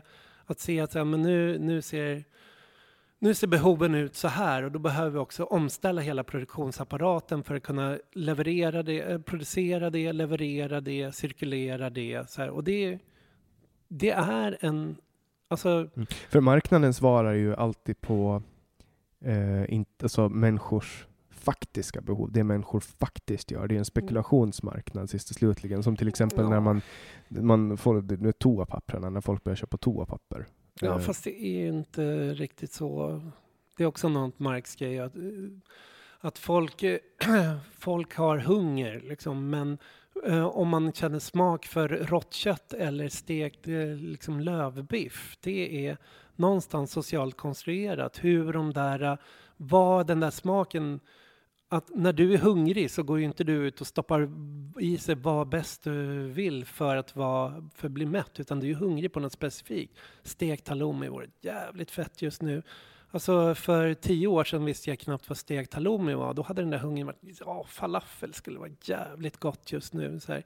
Att någonstans så... Jag ska- styrs ju främst av plånboken. Jo, jo, men det är också plånboken styr, men det är också eh, vad man får för smak, vad man får för olika. Det är också någonting som är med hur, hur de här behoven täcks, formas också. Vad man kommer genom reklam, genom att skapa behov, genom, genom att se vad andra har, vad andra använder. Eh, det är väl en så stor del av liksom hela marknadsföringen som går ut på det där. Ja, alltså prestige- skapa behov. Och, Prestigen skapar ju behov, absolut. Ja. Alltså att ha snygga kläder, att se bra ut, det kosmetiskt. Så har det ju varit i alla tider. Alltså tatueringar och ja. fjädrar i håret och sådana saker. och det är ju något Marx hyllar hos kapitalismen. Han säger att ja, men, det gör ju oss rikare som behovsmänniskor istället för att liksom bara törstig, sugen på något att dricka, vatten. Så de bara, hmm, jag är törstig, jag är sugen på en italiensk Kinotto eller vill jag ha en IP-öl eller ska det vara Coca-Cola light. Det utvecklar ju oss enormt vad gäller behov och smak och liksom vad vi kan välja på. och Liksom, någon sånt. Och det är ju det är en styrka hos kapitalismen. Så här, hos hela den biten. Att kunna. För att hoppa till någonting helt annat Mm. eh, så har du med dig en bok som jag antar att du har på gång just nu. En bok av Nietzsche. hur, hur kommer det sig att du läser Nietzsche? Det är ju, det är Ja. ungefär som, jag, du vet, jag läser ju Marx en gång i året. Mm. Bara för att liksom refresha och hålla igång min hjärna. Eh, tänker du samma med Nietzsche eller? Nej, alltså grejen var när jag kom hit och skulle vara med i en podd, jag tänkte ja, men jag måste ju också ha tänkt ut någonting och, och prata om och det är så här, jag har en passion för finlandssvenskar. Det, det är min perversion liksom. Och jag är, har tagit lite så här time-out det här året för att bara sitta och skriva om Tove Jansson och Mumintrollen. Mm. Och speciellt det här med corona, pandemin, att tänka sig hur man tänker sig gemenskap i katastrofer. Och Sverige är ju ett land som har varit utan krig medan Finland, ni har ju liksom er 1900-talshistoria liksom fram till 45, vad var det, fem, fem krig, hur många var det? Ni Ja, gick igenom sånt. från självständigheten 1914 och, och framåt. Och, så här, Tove Janssons böcker är formade av krig och det jag sitter och läser nu är Atos Virtanen, Ålands stora vänsterpolitiker som hon var tillsammans med när hon skrev de här. Hon satt på Åland och skrev Kometen kommer, hennes liksom genombrottsbok när det gäller Mumintrollen. Och Atos Virtanen som var hennes partner då som skrev den här boken Nietzsche, den eh, otidsenliga, som kom samtidigt som Kometen kommer. Det är han hon beskriver i sina böcker både som eh, bisamrottan, den här undergångsfilosofen med Nietzsche-drag, men också snusmumriken med sin gröna hatt och fir- Du vet att han är baserad, alltså Snusmumriken är baserad på honom. Mm. Hon tog karaktären och hon är ju, Ja. när hon eh, alltså porträtterar sig själv i böcken, då är hon Totikki. Ja. Eller To- Totik är ju hennes partner, Tulika. Ja, ja, förlåt, förlåt. Men Så hon själv är, vad heter hon som hon själv porträtterar? Hon stoppar in sig själv i lite olika personer, så hon är Tofslan och Vifslan. Tofslan och Vifflan. Och, där, och sen har hon eh, Homsan Toft som Mm. är hon själv i en bok. Hon, hon ser ju mycket av eh, Atos, den här frihetspatosen han hade då, den här Nietzscheanska vänstern liksom. Och det, det är jag intresserad av. Tove var ju en person som aldrig passade in i den finska vänstern och inte den finlandssvenska vänstern. Att hon, hennes Muminfamilj är någon slags borgerligt bohemideal men väldigt anarkistiskt. Men eh, jag har bestämt mig, eller det jag sitter bara och läser nu och hoppas jag ska skriva liksom nästa bok om, det är just hitta den här uh, gemenskapen, uh, gemenskapskommunismen hos Tove Jansson. Och det, allt kokar väldigt mycket ner också till Åland, till där hon satt och skrev och hennes partner då från Åland när hon skrev de här idéerna. Just det, det är alltså inte en bok av Nietzsche, utan det är en bok som heter eh, Mm. Nietzsche, den otidsenliga. Då förstår jag mera varför. Jag trodde att du läste Nietzsche. Nej, nej, ja, det, fast det är lite också, det här är en vänstertradition som rånar högerns teoretiker. Och det är, den är också väldigt intressant, att vi har en höger idag att, som rånar vänsterns teorier. Att eh, kolla på Ivar Arpi, vad är det han gör? Han, eh, han läser postmoderna teorier och vänder på dem. Han läser queer-teori och använder som angrepp på identitetspolitik. Vad gör Hanif Bali? Han läser Saul Alinsky, liksom Rules for Radicals och använder mot vänstern den här stora organisationsteoretikern i USA liksom för sociala rörelser. Vad gör alt-right? De sitter också och plockar hela så här, de sitter och läser om situationister, kommunikationsgerillaformer från vänstern. Att, eh, alla sitter de och läser, Steve Bannon läser Gramsci, han liksom plockar fram Lenin. Så vi har idag den här liksom kulturhögen, konservativa högen är några som plundrar vänsterns Alltså om du ser vad de säger är hotet, faran just nu från vänsterteori, det de varnar för, queer, postmodernism, eh, hegemoni, Foucault, allt sånt, så är det ju samma saker de sitter och läser och ser som framgångsrecept. Att det här är, Men alltså är det inte att de försöker läsa motståndaren och hitta hål i deras teorier? nej, utan de, ja, de försöker också se att det här är framgångsformlerna som ledde vänstern till kulturell hegemoni och dominans. Och de försöker ju ta alla de sakerna och vända det. Och Är det vända medvetet tillbaka. eller är det omedvetet? Både och, men väldigt medvetet i många fall att man plundrar fiendens vapenförråd. Mm. Och det är någonstans jag är inne lite på samma spår. Jag sitter ju och läser Ernst Jünger och jag läser Spengler och jag läser Nietzsche. Och Läser du Ayn Rand? Ayn Rand? Nej, nej, nej, så långt. Där, där vill jag inte gå. Har du någonsin tagit dig igenom Nej, jag har faktiskt inte. Jag, har inte tagit, jag såg en Hallmark-film om hennes liv. Det. Eh, och jag har liksom följt andra som har läst de där böckerna. Men nej, nej. Ayn Rand har jag inte. Men däremot så inom radikalkonservatism och delar av fascistisk teori så finns det ju någonstans eh, Carl Schmitt till exempel, det begreppet det politiska, det är helt genialt beskrivet av han, borgarskapets Lenin. Liksom. Att, Sen finns det den här State, Anarchy and Utopia. ja, vad är det Nietzsche? Nej, vad heter Nej, vad heter han som har skrivit den? Jag vet. Men det är ju också en sån här led i- ikonbok Ja. inom, inom hur man kan konstruera ett, ett fritt samhälle. Men när jag tänker på, alltså när jag tänker på Mumin och, och Tove Jansson, jag har liksom, det är eh, klimax för mig när det kommer till upplevelse genom litteratur. Det är när jag får Mm. sitta ner och läsa min absoluta favoritbok av Tove Jansson, det är Muminpappas bravader. Mm. Eh, Den är, det, alltså, den, den, är så, den är vackert skriven, den är trevlig, den är liksom den är bara otroligt härlig rakt igenom. Mm. Alltså den, man, den är ba, det är bara feel good hela tiden.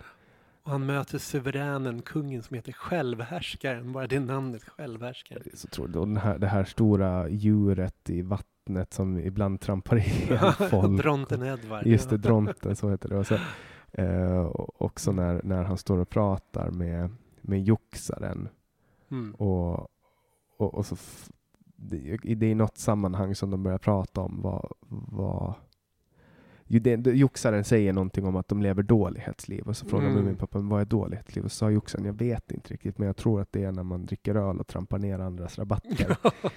det är liksom sådana eh, verkliga saker. Du vet, alltså en, ha en full gubbe som står och trampar ner ens rabatter, det är ju ett otyg. Liksom. Men när hon pratar om de här sakerna så blir de så trevliga och mysiga. Det är bara, hon, hon, var bara, hon var bara otrolig på alla sätt. Mm. Ja, jag är helt förbryllad av henne. Nu har jag suttit och läst hennes brevväxlingar och böckerna om hennes liv och plöjer alla hennes här, vuxennoveller och romaner och har tagit det som mitt coronaprojekt. Så att min tanke är att jag ska skriva någonting som ska heta Krig i Mumindalen som ska handla om eh, krigsgemenskaper, gemenskaper under krig. Det kommer så här invandrare från Afghanistan till Mumindalen och så radikaliserar de Sniff det. och Lilla My och så blir det, Skjuter Stinky på...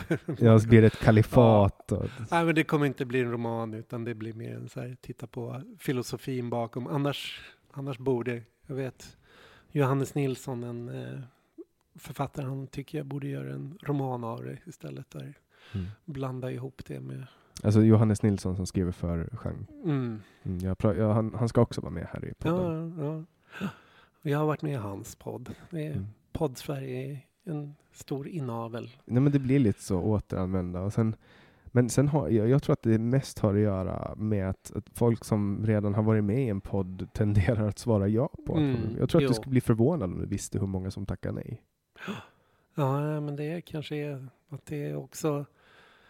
Vänstern var sen på bollen när det gäller poddande också. Det här är lite märkligt att till exempel begreppet alternativmedia, det är någonting som kommer från vänstern. 60-70-talet, ända fram till 2007 så var vänstern pionjärer i allt sånt. Utveckla piratradios, utveckla alternativa stencilformer, utveckla sätt att sprida. Sen kom sociala medier och då kom hela högersocialmedien och vänstern bara försvann. Och nu inom poddvärlden så vi har försökt få igång en så här DIY, do it yourself-anda. Istället för hyra dyra studios så skam, skaffa sig enkla maskiner, enkla redigeringsprogram, kanske spela in på Discord, ett chattprogram eller någonting sånt och få folk att bara börja lägga upp. Skit i om det bara har 300 lyssnare, att det här är ett sätt att lära sig. Så att jag tror att du säger att så här, men det har varit svårt att få vänstern att komma till din podd. Och jag tror att det hänger ihop med det du just sa, att det högern är mer radiovan, poddvan idag. Att är du vänster, är du bra på att skriva, är du bra på att göra radio, då sugs du upp direkt av etablissemanget. Då plockas det, det finns en väg att gå där. Är du höger, har en grävarskill eller radioskill, då är dörren stängd på ett annat sätt. Och det innebär att då bygger du en alternativ struktur. Mm. Och, och vi började diskussionen lite där och jag tänker att det det här liksom, jag ser ju precis som du att det är en fara att sugas upp av ett etablissemang och staten. Från högern så ser jag det här lite att vänstern har vunnit genom att göra den långa marschen genom institutionerna, ta över Sveriges Radio, ta över Södertörns högskola, universiteten, att det är där vänstern vann. Och för mig är det, det där vänstern förlorade. Det var begravningsplatsen där de avradikaliserades och dog. Och anledningen till högern är så framgångsrik idag är för att den dörren var stängd för dem. Så de har behållit hela den där kreativiteten, kapaciteten och bygga upp alternativstrukturer utanför. Och det är kombinerat med att de sitter på all kommersiell media också. Men, så att de både har kommersiell jag- media och har en enorm alternativmedia de har kunnat bygga. Jag ser ju inte den kommersiella medien i Sverige som höger. Aftonbladet Expressen. Jag tycker ju att de är vänster. Nej, ja alltså... Jo, ja, Fast det beror de väl lite ju- på var man står. ja. Perspektiv. De är ju liberaler. Liksom. Det är de ju. Att det, Sverige har ju all media varit liberaler. Liksom.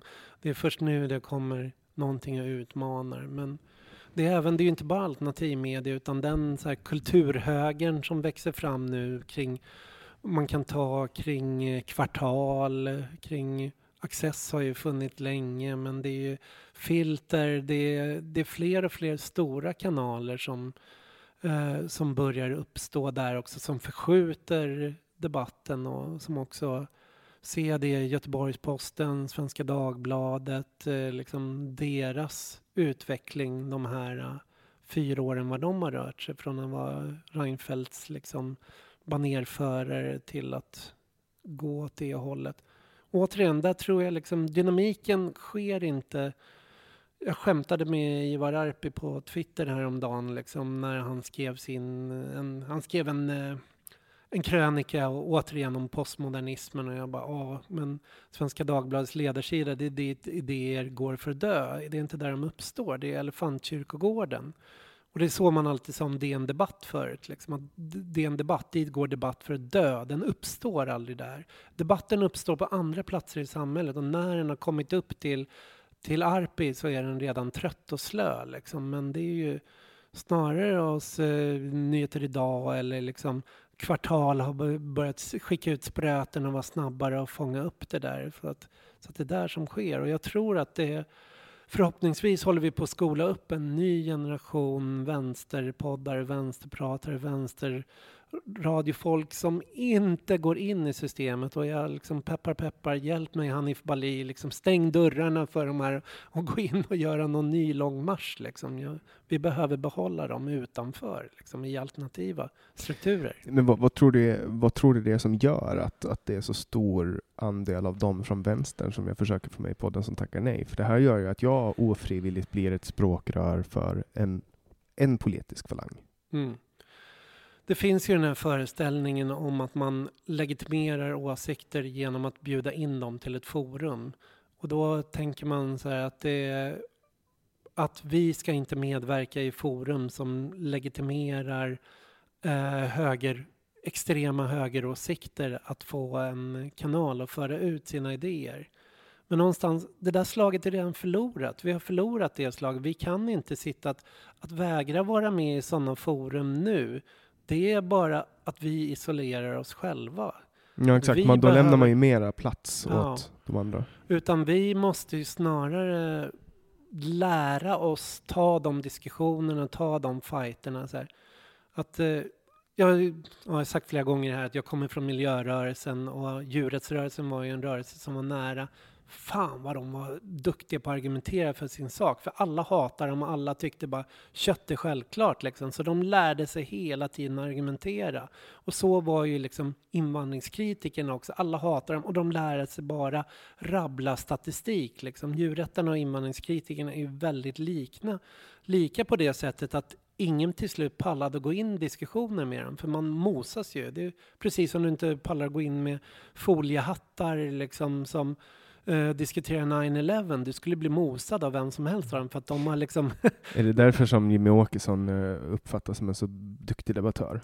Ja, han, han är ju faktiskt inte duktig debattör. Han är ju mer duktig på att ducka frågor. Men, men däremot så är det väldigt många andra som är duktiga på det här sättet att, eh, att debattera. Och jag tycker att vänstern har blivit slö här. För att man, man slipar inte sina knivar längre. Och Men kan det ha att göra med just ekokammaren, att man retirerar till sin varma, mysiga vänstervrå och, och bara liksom ekar sina åsikter? Ja, effekten blir ju det, men poäng, alltså jag tror att det är just det här från början att eh, man inte vill legitimera andra åsikter. Det är där skon klämmer, det är där problemet uppstod. Att så här, om vi sitter i samma rum och du släpps in och för fram din åsikt här, då, då måste vi andra resa oss upp och gå.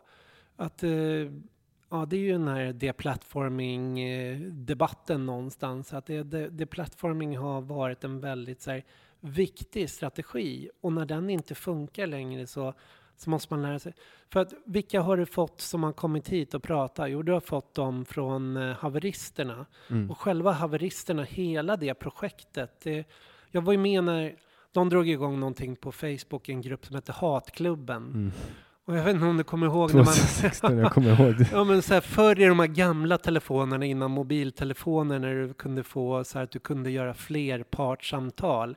Då var det en rolig busringning att ringa ut två personer du avskydde och sen så sitta och tjuvlyssna så att de bara hallå, hallå, är det du, din jävel? Så, här, och så satt du och tjuvlyssnade. Och de gjorde så på Facebook, de slängde in alla som de visste hatade varandra, nassar, feminister, ditt och datt i samma grupp och sen så var det, om ni säger att vänstern är snöflingor, om vi säger att vi blir kränkta över allting, okej, här får ni visa. Ta fighten då, liksom. Ni ska garva, ni ska kalla varandra horungar, ni ska liksom, ni, ingenting ska ni, och den som först lämnar diskussionen har förlorat.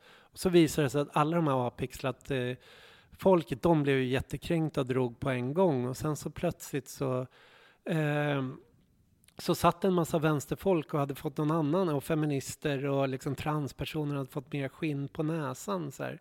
Och det är ju det som de byggde hela haveristerna på någonstans. Att så här, ja, man måste ta itu med de här klandervärda personerna i vänstern men också framförallt att de man måste få en kaxigare vänster som kan gå och veva. Liksom att liberaler kan ju gå in i vilken debatt som helst utan att vara pålästa för fem öre, för de går bara in med sitt självförtroende. Men vänstern måste vara liksom, vi måste vara bäst i klassen, vi måste plugga alla böcker för att gå, in i dem. Och då kanske vi behöver mer så här som Ekis, Åsa Linderborg eller Henko eller sådana som bara Ja, fan, de kan inte så jävla mycket, men de, kan, de har ett självförtroende så de kan gå in och veva i vilken debatt och göra folk vansinniga i vilken debatt som helst. Så att, ja, kanske jag oss. Jag hoppas att, att du nu öppnar lite flera röda dörrar åt mig. Ja, nu kommer jag få skit för att jag har legitimerat. Men, nej, men jag, jag tror faktiskt att nej, men jag, jag står på mig när det gäller den grejen. Jag tror vi har förlorat den här kan, deplattformerande kampen. Utan det, vi måste skaffa mer debattörer som har skinn på näsan och kan gå in och veva. Och att vi blir slöa om vi inte kan liksom, bemöta och ta de här fighterna liksom, när det gäller. Mm. Och jag hoppas att, eh, att det är flera som, som tänker som dig, att de tackar ja till att vara med här helt enkelt. Och det är andra veckan i rad nu som jag har med någon från vänstern. Så jag får fortsätta, fortsätta ragga på och se vad som händer. Och, eh, tusen tack Mattias Våg för att du kom hit. Mm, tack så mycket för att jag fick vara med. Och till alla er som har lyssnat på det här samtalet till slutet vill jag tacka så jättemycket för att ni är med mig och för att ni stöder det här projektet. Ni vet att ni på min hemsida www.samtal.ax hittar eh, olika sätt att stödja det här projektet. Ni kan swisha, ni kan eh, bli patrons, ni kan donera via Paypal. Ni får välja själva vilket alternativ ni tycker är bäst. I vilket fall som helst så kommer jag fortsättningsvis att hålla den här podden reklamfri eftersom jag hellre eh, lutar mig på ert stöd än eh, på marknaden, även om jag är marknadsliberal i privatlivet.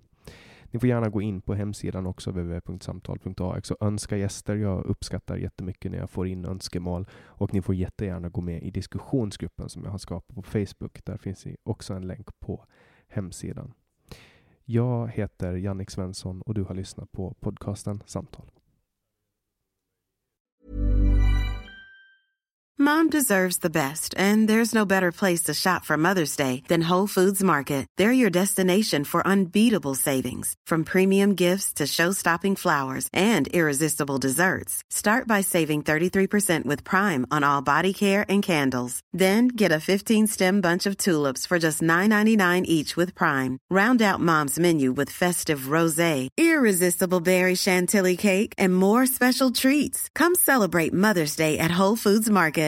Flexibility is great. That's why there's yoga. Flexibility for your insurance coverage is great too. That's why there's United Healthcare Insurance Plans. Underwritten by Golden Rule Insurance Company, United Healthcare Insurance Plans offer flexible, budget friendly coverage for medical, vision, dental, and more. One of these plans may be right for you if you're, say, between jobs, coming off your parents' plan, turning a side hustle into a full hustle, or even missed open enrollment. Want more flexibility? Find out more about United Healthcare Insurance Plans at uh1.com. Planning for your next trip? Elevate your travel style with Quince. Quince has all the jet setting essentials you'll want for your next getaway, like European linen, premium luggage options, buttery soft Italian leather bags, and so much more. And it's all priced at 50 to 80% less than similar brands. Plus, Quince only works with factories that use safe and ethical manufacturing practices. Pack your bags with high-quality essentials you'll be wearing for vacations to come with Quince. Go to quince.com slash trip for free shipping and 365-day returns.